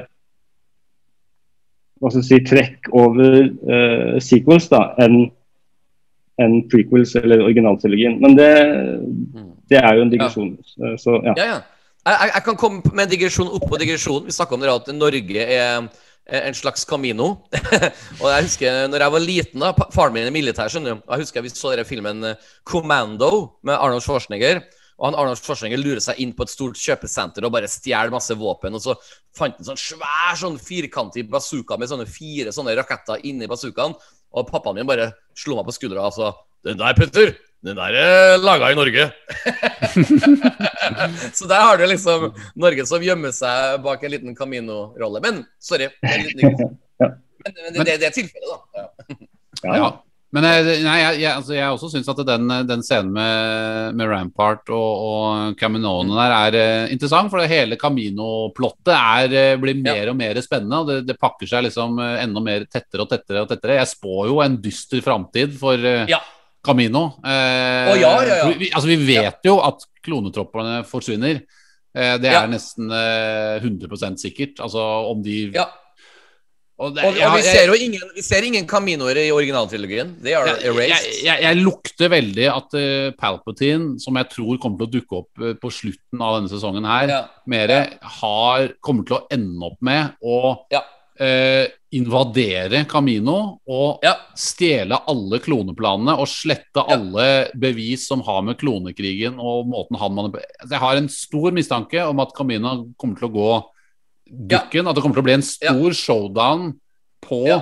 Camino. Jeg vet jo at Camino er jo også Opprinnelig var jo det ikke en vannplanet. Det var en, eh, en planet som eh, ja, ble oversvømt over tid. og så var derfor de visstnok begynte med disse kloneprosjektene Oi. sine og disse genmanipuleringsprosjektene sine.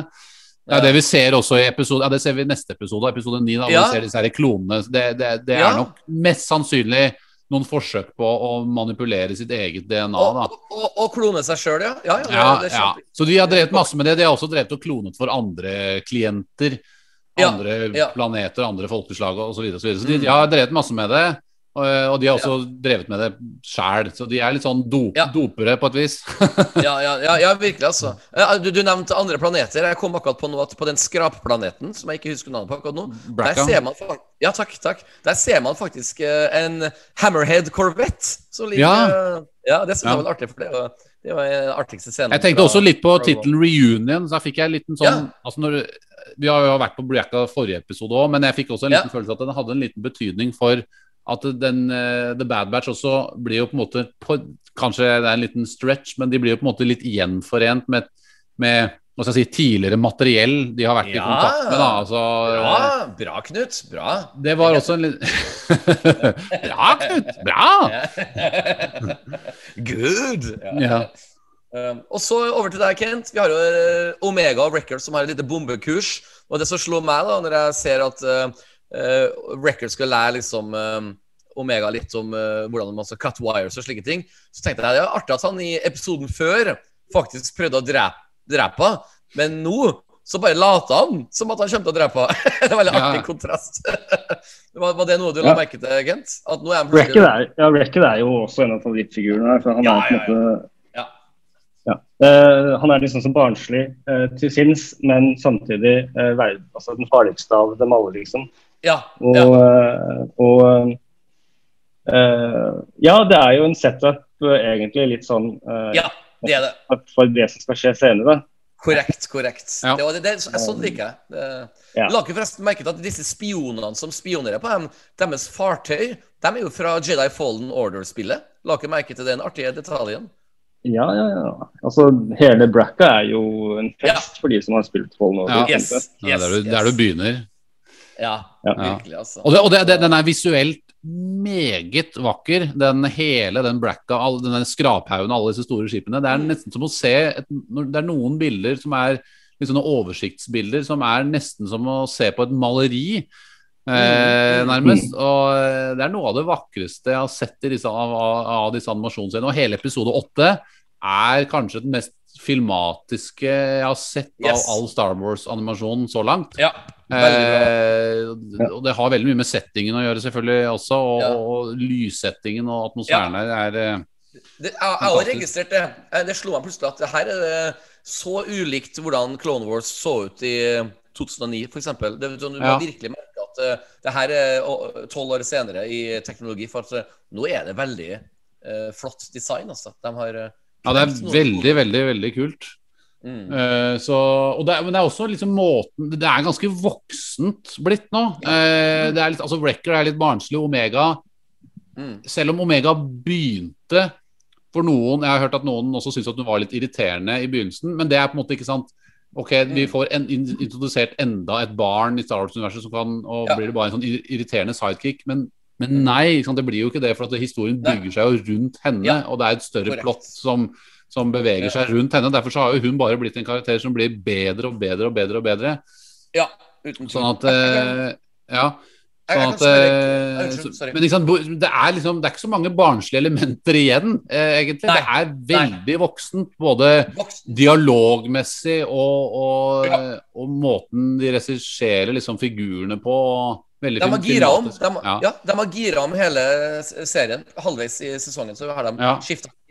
Og Ja. et, det et spørsmål til deg, Kent, for du merker at det er en ganske interessant samtale som foregår i episoden her, som jeg føler ingen prater om. Og det er jo at um, de prater jo om at jeg burde blitt med Rex Ja. på hans reise. Og i mitt hode, that makes sense. For det, det, men, men da har det jo så klart ikke vært noe Bad Batch-serie lenger. Eh, altså, for at, um, før eller senere så må jo The Bad Batch-guttene bli en del av The Rebels. De er jo på en måte det allerede, egentlig. Men eh, det er jo litt sånn rart. Hvor, hvorfor følger de ikke Rex sin eh, reise? Har, har du tenkt på det, Kent? Hva som er grunnen for at de velger å gå sin egen vei? De er jo egentlig i slekt med Rex. Eh, ideologier. jeg, har, jeg har vel tenkt på hvorfor manusforfatterne Ja. ikke velger å gå den veien. Eh, og Det handler jo om Rebels uh, og, og, og Rex, hvor Rex ender opp. ja, ja. Ja. Eh, og eh, Så jeg tror det er vanskelig, vanskelig å skape Det høres litt kynisk ut å tenke på det på den måten. Da. altså Historiefortelling er historiefortelling. Men, Mm. men jeg, jeg det er vanskelig å skape gode historier ut av en, en, eh, en eh, ark som, som går innom det Rex og uh, kanskje Asoka driver på med. ja, Eh, Så ja. jeg tror at de skal ta Clone Wars i en annen retning. En litt mer sånn eh, Ja. underworld eh, under, Altså under, underjord, underjord, eh, underjordisk eh, Altså ja, litt mer sånn den shady siden. Ja, Eh, ja, og, ja. og, og, og at de må deale med, med de aspektene. Og det har vi på en måte begynt å se allerede da med Sid og, og, og, Ja. og disse bounty hunterne og sånne ting. Ja, ja, ja. En, en, en annen ting jeg la merke til, er at vi merker noe veldig godt at Omega hun forstår nyanser mye mer enn de andre klonene. Hun er på en måte Hun er, hun er liksom eh, laga litt an, an, annerledes. Og nå får vi også bekrefta at det var Camino-folket som hadde leid inn Bounty Hunters for å få Omega tilbake. Og det, det er også litt sånn noe vi har grubla lenge på, selv om vi på en Men der, der også er det veldig interessant, for det, sant, det er jo Lamas sant, Derfor er jo personlige intriger eh, mellom disse her kaminoanerne. Ikke sant? Hun, hun derre Ja. Lam, Lama Su, mm, hun har jo en personlig tilknytning til Omega. Nei, jeg, Ja. mener, jeg, mener, jeg, mener, jeg mener ikke Lama Su, jeg Eh, mener Nala C. Det, ja, det er ikke så lett å holde orden på det der navnet der. Eh, og ikke sant, Lama Su er jo han som har Det er jo han som har leid inn Cad Bane, selvfølgelig. Eh, mens eh, La, eh, Nalla C har jo. Ja. leid inn Fennek Shand. korrekt. Shand er jo egentlig en, en slags protagonist egentlig i den scenen. her Hun er jo egentlig en good guy på et vis, ikke sant? Eh, selv om hun er en ja. bounty hunter, da. Men eh, Eller, eller, eller, bad guy doing good. ja, ikke sant? Ja. Eller en good? Bounty hunters er jo verken good eller bad. Det er jo liksom eh, Men ikke sant? Det, det, er, det, det gir et sånn interessant aspekt uh, inne i storyen. Det er også flere lag i den Camino-storyen. Det er ikke bare svart-hvitt at alle vil gjøre det samme der heller. De har forskjellig motivasjon. Hun vil jo bare holde Omega trygg, for hun veit at Lama Su vil jo bare kaste henne ned i den eh, tanken og, og mm. teste videre på DNA-et, hente det ut, og så Mm. og, og rett og slett uh, drepe henne, liksom. Så mm. jeg vil undre meg jo litt hvorfor Hvorfor har de ikke gjort det før? Eh, Mm, eller har da. Eller har hun holdt henne skjult, eller altså det hun, Ja, det er noe noen ser- der, altså. Det, ja, det er, og, og så føler jeg at um, Ikke, ikke for å skifte tema, men uh, Crosshair eh, Bare litt tilbake til han. Altså, han har en um, uh, Han viser en herlig personlighet, for han lar seg ikke bli lurt av The Battle Batch, for han vet jo liksom hvordan The Bad Batch-gjengen tenker, iallfall i begynnelsen. Men dere superkule actionscenene vi får, du vet med Flame Troopers og Ja, ja, ja, det, det er faktisk uh, noe av det mest spennende Star Wars-action jeg har sett i animasjon noensinne. Og det med når The Bad Batch outsmarter dem, og du vet, to break the engine in half Ja, det, det der er selve essensen av Star Wars for. Det er nytenkende. Det var veldig og kult. Ja. Ja, og eh, Sorry, ikke for tema, men jeg bare merka at action eh, plutselig har eh, For jeg nevnte jo på noen podkaster tidligere at det er, det er blitt veldig bra actionscener i Bad Batch med en story mens det er action. Og det er jo Ja. den type action jeg elsker. Så at fy søren, altså. To tomler opp der, altså. Men Den er jo så kreativ, den, den scenen med den uh, Star Destroyeren, at de, de skal bruke rakettrusterne til å ta rotta Ja. på The Bad Batch. Ja. Og ikke bare det, så Crossers har jo, han vil jo en, han vil på en måte grille dem med dem, og hvis, hvis de Ja. hopper ut, så skal han stå klar og snipe dem. Så han er jo på en måte Ja. ja. ultimate uh, cynical, ikke sant? Og, E- eh, exactly. men, men de klarer da å finne en mottaktikk til dette her som, gjør at, som gjør at han faller for sitt eget grep, han uh, Crosshair, som blir brent i, i samme slengen, på en måte. Og han eh, ja, og jeg, jeg tok meg sjøl som en 42 år gammel mann i å være spent på hva skjer nå. Altså, Jeg, jeg klarte ikke å forutse det. Og jeg elsker å ikke forutse ting. Jeg går tilbake til når Luke i The Last Jedi kaster lasersverdet bak ryggen sin. Did not foreseen that. Og jeg, jeg, jeg elsker sånne typer Men det, sant, det er en actionscene som er så bra staged. Ikke sant? Den, den, den bygger opp én persons plan om å ta rotta på den andre, mens de andre utnytter den planen og gjør noe uforutsigbart for at hans Ja. plan skal gå i vasken. Så du har flere sånn Ja. fram og tilbake-elementer som gjør at du liksom eh, Som holder deg interessert, holder deg på tå hev. Mm. Det, er, det, det, det, akkurat sånne type ting Det minner meg litt om den boken 'Lords of the Sith'. Ikke sånn at det Mm. er helt like scener, men det er noe med å stage sånne actionscener Ja, eh, ja. og gjøre noe nytt, da. Som ikke du har Ja. sett før. ikke sant? Og Vi har egentlig ikke sett noe som dette her før Nei. Star Wars, føler jeg. Nei, Selv om det føles veldig Star. Wars. Ja. Ja. Kent Barvin, ble du stimulert av actionscenene i episoden her? Ja, altså tenker jeg at vi, vi, vi går sånn full, full circle på, på tematikken her i dag. Fordi Ja. ja. en av grunnene til at disse, disse både, både sånn visuelt sett uh, og, og filmatisk sett uh, Clone Wars er så mye, mye mange måter mye bedre enn Unnskyld, Bad Batch er så mye bedre enn de tidlige Clone Wars, er jo utviklingen på Ja. datagrafikkfronten. Ja. Og det at de har kunnet bygge en motor som de har forbedret, altså en grafikkmotor som de kaller det. Mm. Så de kan jo forbedre da eh, år for år opp i det vi da på en måte begynner å nærme oss 12-13 år. Ikke sant? Mm. Og med den utviklingen man har hatt på, på datagrafikkfronten på den, i den perioden. Mm. Og, og mm. bare det at du kan ha så mange flere detaljer da, i, Ja. I bildet, Ja. Som, hvor Ja. ting skjer samtidig. Eh, at, og at dette er jo dataanimert, så datamaskinen som på en måte, til syvende og sist lager selve animasjonen, de, de må jo på en måte generere hver eneste frame. Og eh, for at de skal kunne gjøre det med så mye detaljer, så Ja. kreves det mye mye mer enn det man kunne gjort da, Ja. i 2008. Ja. Og, Ja. og det gir, gir muligheter også da, på kampscener og actionscener som man ikke hadde. Og det gjør at du får på en måte mye mer Det føles mye dypere. og Det er litt den samme Ja. forskjellen som på teknologifronten som vi har mellom eh, prequels og, og sequels, eller prequels og Mandalorian, er at ting virker Man kan på en måte ikke sette ord på det, men ting virker mye mer Du får mye mer innlevelse da, i, i, Ja. i det du ser. Så, så det er veldig gøy, og, og, og samtidig sam, veldig gøy at jeg klarte å utgjøre seg nytte av det. på en måte Ja. da, som gjør at det Ja. blir, Ja, ja, det, det blir uh, mye mer eh, Hva heter det? Eh, du, du lever deg mer inn du på en måte suger deg mer inn i, i, i selve den i actionscenene enn en det kunne da, for, Ja. for 15 år siden. Det er en mer, Ja, det- hel, en mer helhetlig atmosfære, eh, Ja. føler jeg. i Bad Batch. Bad Batch er nå, per definisjon, min, de første ni episodene her nå, er jo Ja. etter min mening det beste jeg har sett av animasjonen av Ja. eh, Star Wars Ja. så langt. da, Det er fortsatt eh, hva blir det, syv episoder igjen. Da. men, men, men nå har ikke du sett Star Wars Resistance, da, Knut? Nei. Men det behøver du egentlig ikke gjøre det heller. Du, skal, skal, jeg være helt, skal jeg være helt ærlig med dere? Her er en liten digresjon igjen. altså, Men jeg begynte jo så klart å se Star Wars Resistance når det kom ut. Men etter episode fem eller seks så gidder jeg ikke mer. Og det skjemmes jeg litt over. Jeg Jeg, har jeg, jo har, sånn, jeg har sett den første episoden eller noe tror jeg. Men eh, ja, ja. Nei, jeg, har fått, Ja. jeg, jeg har jo som, som prinsipp at jeg skal se alt av Star Wars minst én gang, bare for Ja. å hodet, men jeg har ikke gidda å se ferdig Resistance. Så det, eh, det, og jeg vet at Phasma dukker opp og sånne ting, men jeg, jeg har bare ikke blitt bitt av den basillen. Men jeg, jeg får gjøre det senere. Ja, Og så må du ta et eksempel på liksom at, at dialogen og replikken At det ligger mye tanke bak. Der. For eksempel når du har den der lille standoffen litt midt i episoden der mellom The Bad Batch og Crosshair og noen andre kloner som Clone Troopers Ja. som står rundt der. Åh, ja. Og så sier jo Hunter ikke sant, sier til, eh, til uh, Crosshair et eller annet om 'husk hvem du er', ikke sant, og så videre og så videre. Og så, så blir det Så er det ett eller to-tre sekunder med stillhet, akkurat som Crosshair på en måte prosesserer det.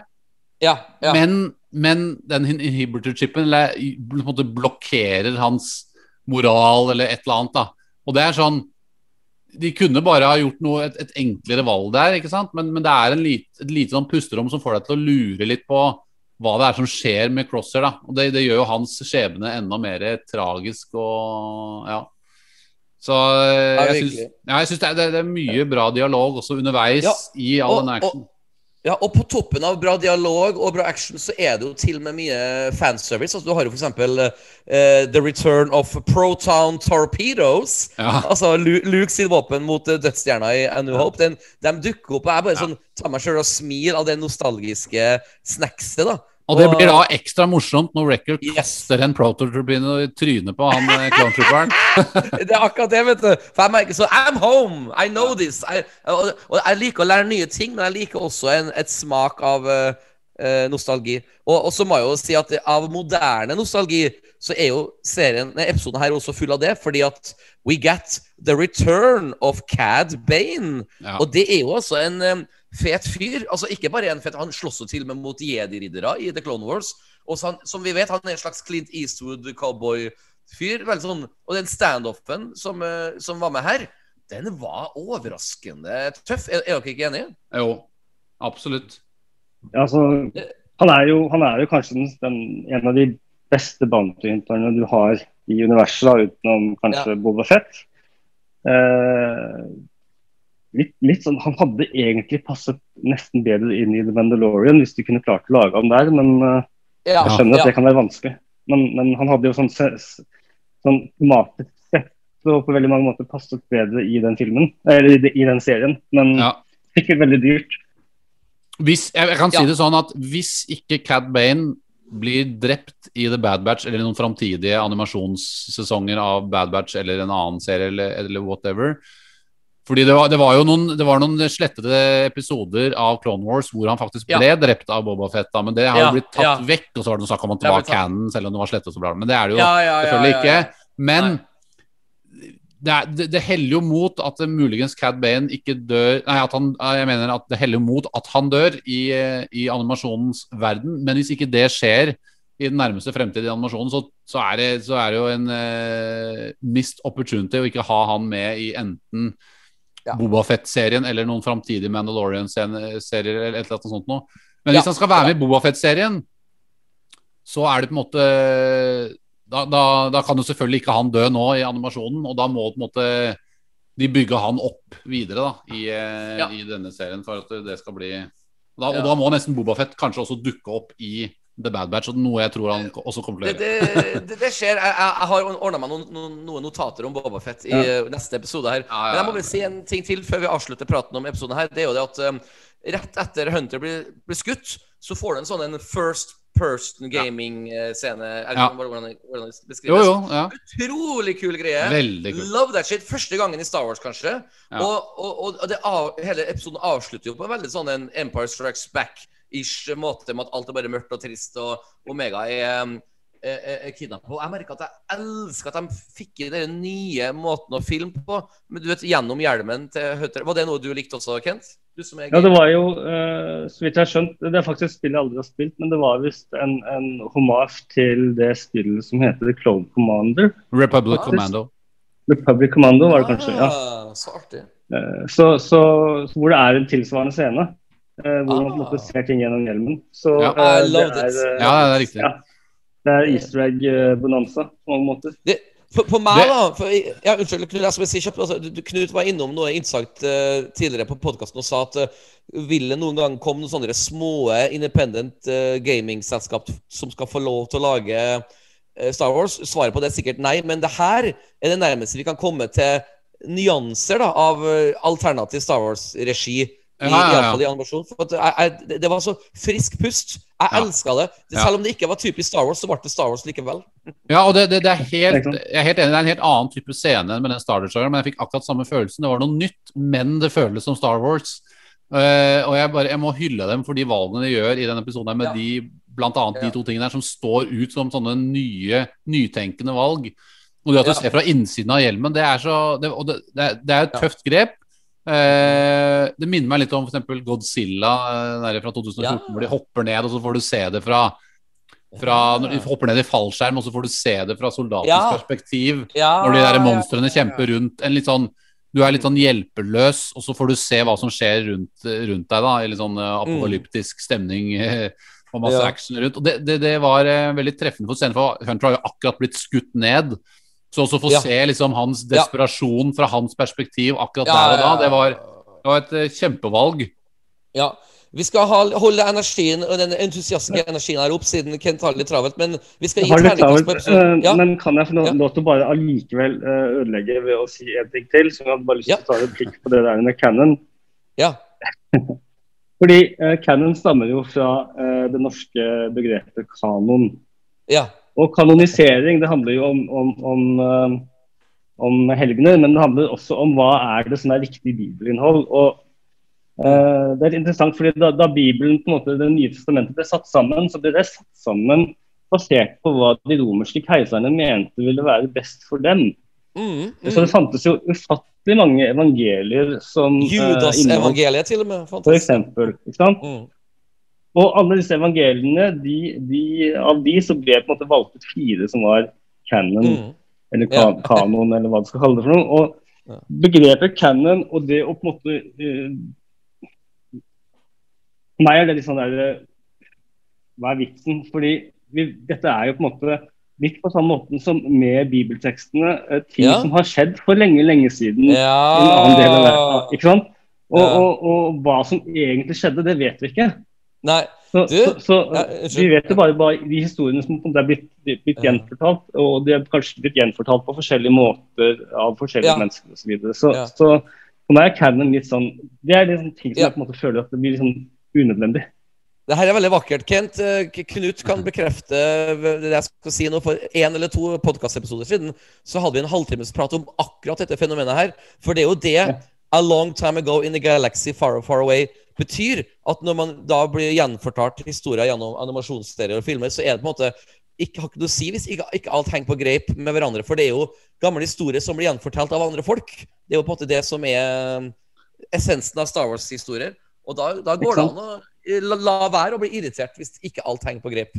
Så, så, så for eksempel første episoden av Bad Batch, hvor vi får se liksom eh, en ung jedi-ridder som eh, har en annen versjon av den historien i en comic book. Ikke sant? Det, Ja, ja, ja, ja, ja. mm. Ja, det, er, det er jo masse eksempler på det, så, så det, det må jo bare folk Ja. akseptere. At den kan, kanon, schmanon, den, den går litt ut døra innimellom. Men, men, de, men de store linjene der er jo der. ikke sant? Og det, jeg syns jo det er veldig spennende med, med Canon. Og jeg leser, nå er jeg snart eh, ferdig med den Thr- Thrawn-boken, nummer én. Ah, Nå har jeg kjøpt meg de to andre også, på Outland eh, Geeky-butikken borti her i Porsgrunn. Så det er liksom Det er veldig mye spennende ting som skjer i den boken. Men det er blant, annet hun Arinda Price fra som du, Hvis du ser Rebels nå, eh, Kent, så er jo hun med i den boken. Hun er jo også med i Rebels. Det er jo hun som driver og holder på på Lothal der med litt sånn svart, kort, halvlangt hår.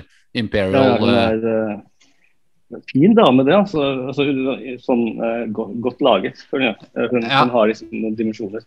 Ja, ikke sant? Og det, det har hun for så, Nå er det jo Thrawn sin historie som er mest interessant i den boken, for så vidt, men hun har, en, hun, hun har den andre hoved... Ja, kanskje en av de største birollene da, i den boken, på en måte. Eh, så det handler, handler egentlig like mye om hennes karriere som, eh, som om Thrawn, liksom. Så, så eh, det er morsomt da, å ha den derre canon-bagasjen litt eh, med. Ja. Det er ikke alltid den stemmer helt overens, og, men eh, det er veldig morsomt når det treffer. Ja, ja. og, og gir, og gir litt mer lag, litt mer lag til historien til de forskjellige karakterene. Ja, ja, virkelig, altså. Eh, gutter, vi må komme med terningkast. Jeg kan starte. Jeg kan faktisk være så energisk og ivrig og gi den episoden her terningkast seks Fordi at det var ikke Ja. Eh, grunnen til det for at det var ikke kjedelig et sekund. Jeg ble overraska over hvilke retninger storyen gikk. Cad Bane fikk sin return. Det var standoff, det var nye måter å filme på. Det var uh, sympati mellom Wrecker og Omega. Det var til og med litt politisk prat uh, på Camino. F- Episoden her hadde alt jeg kunne forvente meg av en episode av Bad Batch. Hva med du, Kent? Terningkast og begrunnelse? Jeg, eh, jeg heller For meg er det en, en, en eh, Det er en ganske sterk femmer, uh, Ja, sånn sett. ja. Uh, den eh, hvorfor, ikke, hvorfor ikke terningkast seks? Det kan jeg nesten ikke svare på engang. Men, men, men uh, det er liksom Den inneholder veldig, som du sier, da, veldig, veldig mye. Den Ja. er eh, Det er spennende hele veien. Det er liksom ting Ja. som skjer hele veien. Eh, den er tettpakket. eh, og Man skulle nesten ikke tro at det kun var er det 20, 25 minutter. Eller noe sånt. Ja, Altså, det er en- helt ja. vilt. De ligger på rundt Ja. det etter den episoden. Og, eh, så Sånn sett så er det Men det er, for meg er det en femmer. Eh, Ja. Det er, det er noen småting som, som, eh, som kanskje kan være, kunne vært gjort annerledes, etter min Ja. mening, men det blir på en måte helt subjektivt. Ja. Jeg, jeg, jeg har en del småting på neste episode som jeg skal prøve å fatte meg i korthet. Men Knut, Ja, ja. terningkast og begrunnelse på denne episoden? Nei, altså det er, ikke, det er ikke så mye mer å si enn det dere har sagt, egentlig. Jeg er veldig, veldig enig. Det er eh, en fabelaktig bra episode. Vi kommer liksom inn i essensen i historien her. Inn i Ja. the main plot, og det, det, det, det gjør den så hardbarket som det går an å få gjort, egentlig. Med Ja. masse bra dialog. Det er tragedie på slutten med Omega som forsvinner. Det er nyskapende action. Det er atmosfære og visuell stil som er fantastisk. Den knytter seg til spill, andre canon-ting. Altså det, den, den har egentlig alt. Jeg, jeg, klar, jeg har på en måte ikke klart å se noen Nei. særlig negative sider med denne episoden her, eh, så jeg er nødt for å gi den en, eh, en uh, sekser, rett og slett. Altså, Ah, altså, My man! My man! ja, for det, det sånn var det med episode 1 òg. Den er kanskje ikke Ja. altså Episode 1 er fantastisk bra. Altså, jeg følte jo ikke Ja. at den er, Jeg ble ikke like mye underholdt som av den, men det er jo på en måte litt Det er en annen Det blir Ja. sånn apples and oranges. Altså det, det, er Ja, ja, sånn, ja. eh, det er en 25 minutters episode, og det den Ja. klarer å få til i de Ja. 25-26-27 minuttene, er, er fantastisk bra. Ja, Eh, rett og slett. eh, ja. Her, her blir nok en topp tre-episode uh, av, av hele sesongen, vil jeg tro. Ja, ja, ja. Eh, men vi går videre til neste episode. Bounty Lost. Knut, hva betyr tittelen Bounty Lost? Bounty Lost that means Nei, altså det er jo veldig selvforklarende. Altså, Ja, det, det det, er gjelder, det gjelder jo både Cad Bane, og det gjelder både Fennek Shand, og det Ja. gjelder Lama Su, og det gjelder ja. Nalla C. Og Ja. altså alle, Ja. Men alle har jo mistet henne på litt forskjellige tidspunkter i løpet av episoden. Korrekt. Korrekt. Og jeg skal. Men til slutt, til slutt så har jo alle mistet henne, ikke sant? og så er hun jo hos Ja, ja, The ja, Bad. Batch. Så er vel egentlig der på en måte Det er en, på en måte sånn pågående tittel som egentlig er relevant gjennom hele episoden. Og så er det liksom det, det, Hun ender jo opp hos Ja. de rett, rettmessige moralske eierne. Du, du, er, du er helt rett, altså. Cad Bane først uh, uh, har tatt fra uh, ja, ja, Jeg skal, skal ikke gjenta alt du sa. Jeg skal respektere at Kent har det travelt, men jeg kan bare fort fokusere på det som jeg syns er negativt. da Og det jeg føler at denne scenen med Omega som er låst inne med sånn Red Force Field, med Ja. roboten eh, Todo 360 eller hva det mangler en fot og Jeg Ja. føler at det er en veldig sånn cheesy måte å lure seg ut på. Ja. Jeg føler at eh, jeg forutså det fem minutter før det skjedde. Jeg følte at det ble veldig sånn eh, minnet meg om de fire episodene med de jentene i sesong sju av Clone Wars. Sånn, her, det, jeg, jeg, it rubbed me the wrong way. Jeg likte derimot The Intergalactic Race i begynnelsen med Lightspeed. Du, du vet at vi, vi ser Crosshair litt i begynnelsen her og oh, prøver å ta dem. Det Kjempetøft.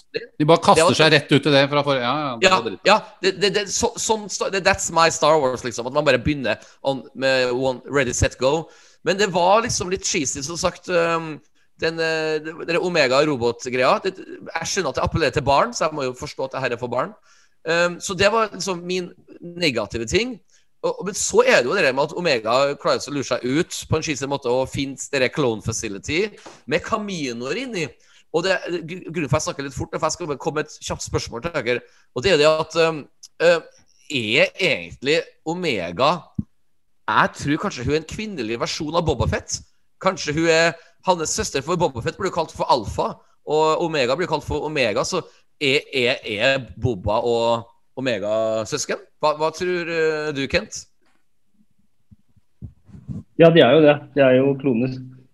Ja, Eh, men- men så, så- så ja. Og hun, begge, begge er eh, First generation DNA, liksom. første generasjon gener. Ja. Altså ikke første generasjon klone, men første generasjon gener. Altså på en måte Ja. templaten. Ja. Eh, og, og det syns jeg, eh, hvis jeg altså, det, eh, Var det forresten var det min tur til å snakke om Ja, ja, ja. ja, ja. Eh, Absolutt. Ja. det, det som, eh, som på mange måter eh, gjør at denne episoden her er litt sånn eh, cheesy, ja. men, men, og det er liksom med å så- kaste et bytte rundt omkring, eller hva det er, Bountyen eller, eller eh, Omega, eller hva man kaster rundt. Da, altså på en måte fra, fra, fra person til person. Det er på en måte en klassiker som, som, som har vært brukt mange ganger før. Eh, for meg var, var kanskje det, var det, det mest interessante øyeblikket i den episoden var når Omega da står inni dette rommet med alle de gamle Caminoan-klonene Kaminoan-klonene. Ja, ja, ja. Yes, og, og ser seg om og skjønner på en måte backdropen til sin egen opprinnelse. Ja. Og, og, Ja. Som da blir bekreftet av, av hun eh, hun, Ah, hun der, eh, Når, eh, minte meg veldig om Ja. Alien Resurrection, som har en veldig bra scene når eh, Ripley, som da har blitt klonet, ser tidligere kloner av seg selv. Eh, i, Ah. altså Alien 4. ah, love it, love Mm, it. Jeg elsker ja, Alien-franchise. ja, ja, ja. Så, så det er på en måte Ja, høydepunktet på eh, episoden jeg føler. At det, det, det får deg til å tenke litt, og det får Omega til å tenke litt. Og, for det kommer jo så klart eh, kule scener med Cad Bane og, og um, eh, den andre Fenrik, Fenrik Shand. Ta, Takk, Fenrik Fen, Chan. Fenriken. Eller Fenrik. Ja, og, og, og det, det, det er i og for seg tøft, men det er ikke like Ja. med kjøtt på beina, føler jeg. Nei, altså- jeg liker at, um, jeg liker at uh, Cad sine jetpack-boots oh, er på og sånne ting. Ja. Det, det er dritkult. Han har så mye kule gadgets, ikke sant. Han er Ja. eh, er, jeg er veldig enig med deg, Petter, med den eh, fengselsscenen. Jeg, jeg, hadde, jeg hadde liksom to negative ting, og det var den. Og så var det dette her, og så er det den Selv om fighten mellom uh, Fenrik Shand og Cad Bane er veldig kul, de bruker mye av sine egne gadgets, og så er det mye kult med plottet der, osv.. Ja. Hvem leier inn hvem, og bla, bla, bla. Ja, det er noen klassiske ting der med Omega i kasteballen, liksom det derre droidehodet Ja. i episode fire der, og, eller tre, eller hva ja, ja. Og Uh, Men så er det litt sånn Det er, det er noen klisjeer der. ikke sant? Det er sånn uh, Plutselig så slår Cad Bane ned Fenrik Shan, og så lar hun han Eller han lar henne ligge ned. Vi terminerer henne ikke helt. Vi lar henne leve Ja. litt til, sånn at vi kan slåss litt mer etterpå. Det er noen sånne klassiske sånne actionfilm-klisjeer Ja. som, som er underveis der, selv om fighten er veldig mye kult som skjer der. Så det er litt sånn litt begge deler. Men, men, men bortsett fra de to litt smånegative tingene, så er det dette er også en, en veldig, veldig solid episode, spør du meg. da. Absolutt. absolutt altså. det er, Jeg føler at det blir litt for lett måte The Bad Batch redde Omega. Jeg føler at hun nettopp har blitt kidnappa, og allerede neste episode blir hun redda. Jeg føler sånn, oh ja, her kunne man egentlig jobbe Ja, det- skrevet litt mer story. Ja, Det var kanskje også den litt tredje ned. Altså når, når, de, når, de Ja. når de får henne tilbake, ja, sånn hun, hun skyter seg ut med den der podden, Ja. og så Ja. Jeg skjønner sjokkeffekten de skal lage ved at det, man vet ikke helt hvem det er som får tak i henne. Men så, Ja. du ser du skipet igjen, og så hvor ble det av den podden? Liksom?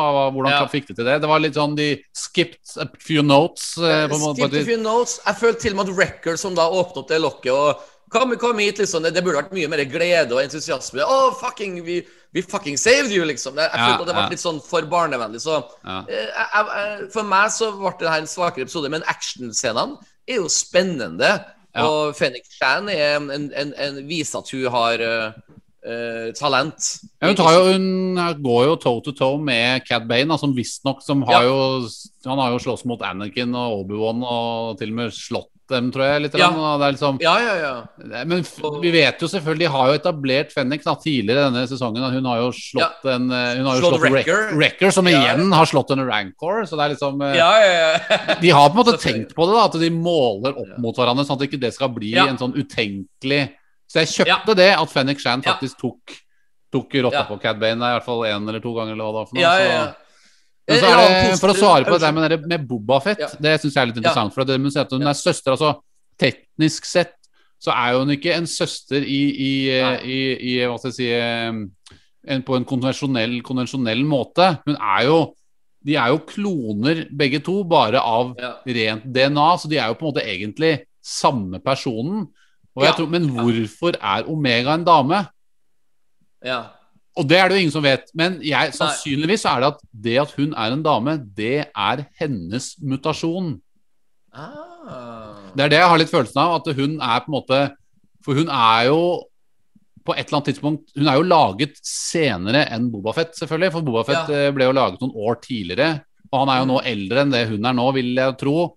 Ja. Sånn at de har gjort et eller annet Hun har jo vært med på noe av det samme som Clone Force 99 har vært med på, Ja. tror jeg. Men Mm. da fra noe rent DNA, så det er en miks mellom Clone Forcen og det rene Ja. DNA-et som Ja. da Bobafett er av Jango Fett, på en måte. da. Eh, så, så, så, det, så man, man kan jo liksom kritisere Star Wars noen ganger for at det, å, hvorfor må alle være noens søster? Nå er det søsteren til Boba Fett som heter Men. Her er det en såpass stor var variasjon og vri på det temaet at da kjøper jeg det. Jeg må stille et spørsmål til Kent. Um, de vil jo ha um, Omega sitt genetiske materiale. Altså, er det her Grogu-historien om igjen? Nei, det, Grogu handler jo om å, å finne, finne DNA som, som, eh, som, som har en sterk tilknytning til kraften. Og, du Eh, mener at Omega ikke har Nei, det, jeg tror heller ikke at hun har det. jo, jo, ja, jeg tror ikke hun har det. Jeg tror hun er pers perceptive, som det heter på norsk. Men, Eh, ja, ja, men ja, ja, men jeg tror ikke hun har kraften. Mm. Jeg, jeg tror på en måte at de, de har de har slitt ut uh, den opprinnelige uh, genepoolen som de hadde, som de brukte som template for, uh, Ja. som mal for, for klonene. Og, Ja. og Det er derfor han, prime ministeren vil ha det. fordi at Omega er den er på en måte det opprinnelige DNA-et, men samtidig så med de teknikkene de har utviklet opp gjennom tidene, eh, som de også på en måte kanskje ligger bak eh, The Bad Batch, at de har på en måte avanserte teknikker som, som gir eh, spesielle egenskaper. Og hun har ganske mange av dem, så er og litt derfor så blir hun eh, på en måte Omega. Ja. Eh, Ja. Så Derfor tror jeg han statsministeren vil ha tak i henne, fordi at han skal lage den nye supersoldaten som eh, Ja. skal redde si. Ja. Eh, så, så det, det er ikke helt sammen, det er litt det samme, da, selvfølgelig. Det handler på en måte om, om, eh, om å få tak i det rette uh, genetiske Ja. materialet. eh, man, Mm, ja, mm. selvfølgelig. Så ja. Ja, Omega er jo, ikke sant? Omega er jo slutt De kaller jo Boba for alfa. Han er begynnelsen, og så er jo Omega er jo på en måte Det er jo kulminasjonen av perfeksjonen. Da, liksom. Det er jo slutten Mm. av det Mm. Hva blir det? latinske alfabetet, er det det man kaller det?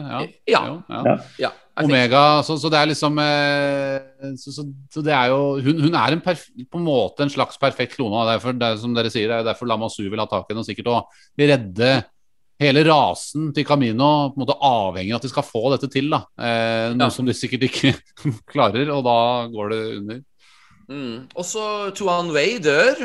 Det er også en ganske Ja. viktig ting eh, som vi for så vidt har nevnt, men som er ganske spesielt med episoden her. Det her, kan være en liten, sånn en sleeper-episode, for det skjer mange ting. Uh, spesielt det med at hun ser, som sagt, eh, eh, klonefasilitetene. uh, og, og får den derre uh, Caminoen liggende over seg. Det er ganske sånn scary. Ja, ja. Og, ja. og, og, den, og den nye planeten, jeg tror det het Depoka City eller sånne ting, det var veldig visuelt vakker. Så litt sånn eh, Cloud City-lignende. Bespin Cloud City-aktig. Ja. Bespin-lignende. Og det, det likte jeg veldig godt. Det var frisk pust. Veldig Star Wars-ish. Så jeg føler liksom at episoden mangler den, den, den står ikke på egne bein. Sånn som forrige episode var jo virkelig en, en fest av en minifilm. Men det her er sånn som her, herren trenger litt uh, en, en episode foran og en episode bak for å henge litt mer sammen, sikkert. Så Ja, Den henger jo veldig sammen med episode åtte. Eh, så det, det, he, det hever også inntrykket av til denne episoden her. ja. Da. Ja. Eh, A- for det er, det er jo veldig mange, det er mange kule revelations her. Det med at hun er en Boba Fett, på en måte. Eller at hun er en, Ja. en klone. Eh, så, så det er jo en eh, veldig integrert og viktig del av det hele, det Camino-plottet. Så det får Ja. vi jo vite veldig mye om i denne episoden her. Eh, Mm. Det er jo Tech som avslører det til de andre gutta, og til Omega også. Og Ja. Hunter, Hunter Ja. har jo en sånn veldig farssamtale med Omega på slutten, ja som er, også, som er veldig, veldig fin. Eh, Og liksom, hun må på en måte få høre sannheten om seg selv, da. Eh, og, og det gir hennes karakter dypere lag og dypere mening. Og jeg syns at eh, hun blir mer og mer interessant, da, og man føler mer og mer Det er litt som Asoka, litt irriterende kanskje i første episoden.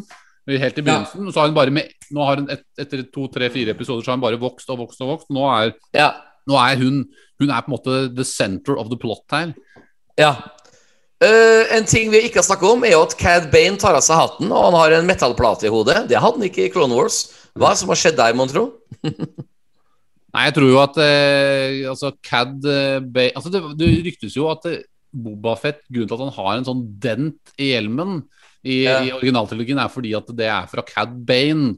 Ah. I, i dems liksom last standoff. Uh, og hvis det er kanon, så kan de jo selvfølgelig ikke møtes i Bobafett-serien hvis det er da etter originalslutningen. Men, Ja, ja, ja. men Bobafett uh, noe, noe leder meg til å tro at Cad Bane og Bobafett kommer til å Altså, det er jo sjanse for at The Bad Batch kommer til å møte Bobafett og Ja. Uh, time opp, rett og slett. For, og kanskje Fennek Shand også. For de kjenner jo hverandre fra før av, selvfølgelig, som vi veit i, i The Mandalorian. Sånn at Ja, og, det kan, og det kan være det Måten de traff hverandre på, kan være i denne serien her. Og det er sånn også Cad Bane dør, for han jobber jo selvfølgelig for Lama Su. Sånn at Mm. eh, Det eneste som, som argumenterer litt mot det, er jo at Bobafett er jo veldig ung. Han kan jo ikke være mer enn Ja. liksom 13-14 år, da. Men eh, Ja. ja. Eh, Et, et spørsmål til deg, Kent. Altså, det er jo eh, åtte episoder igjen, om jeg ikke tar helt feil. Og, og så til, I romjula så får jo vi Bobafett-serien på Disney Pluss. Føler du at, det er, at Lucasfilm har en plan her med å bygge litt Bobafett inn i fremtidige episoder av Bad Batch, slik at vi får en liten forsmak til Bobafett i, i live action i, i romjula? Eh, Ja, jeg tror jo Bobafett Boba Fett skal inn. Han er jo på Ja. litt eldre, kanskje, eller kanskje på alder med Omega. Uh, han er jo tenåring. Eh, Mm. Jeg må si, jeg er nødt til også um, eh, Ja. Jeg må nødt til å gå ut av døren, men jeg kan Ja. fortsette fra mobilen. Så hvis du bare kobler om uh... Å ja. Ja men, men, ja, men du, vet du hva, Kent? Du, du kan ta det helt med ro. Vi, har, vi skal bare gi terningkast, vi nå, så er vi ferdig. Så det, det går bra.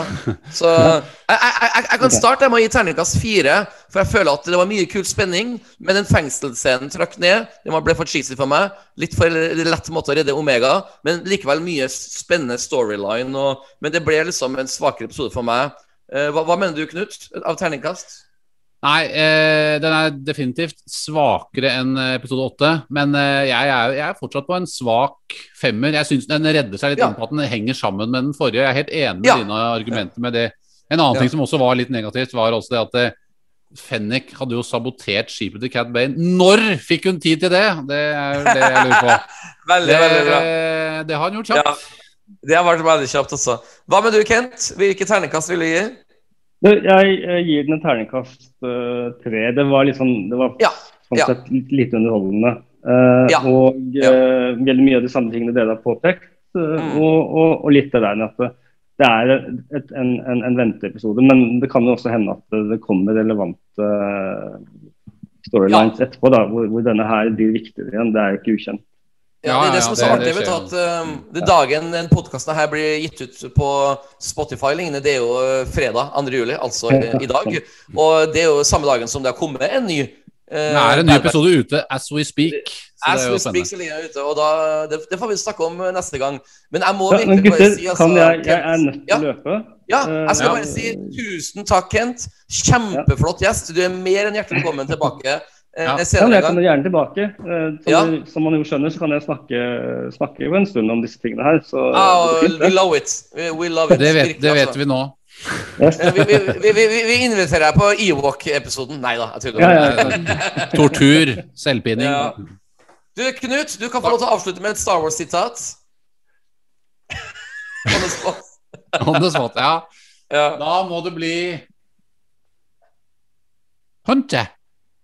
Tick. Echo.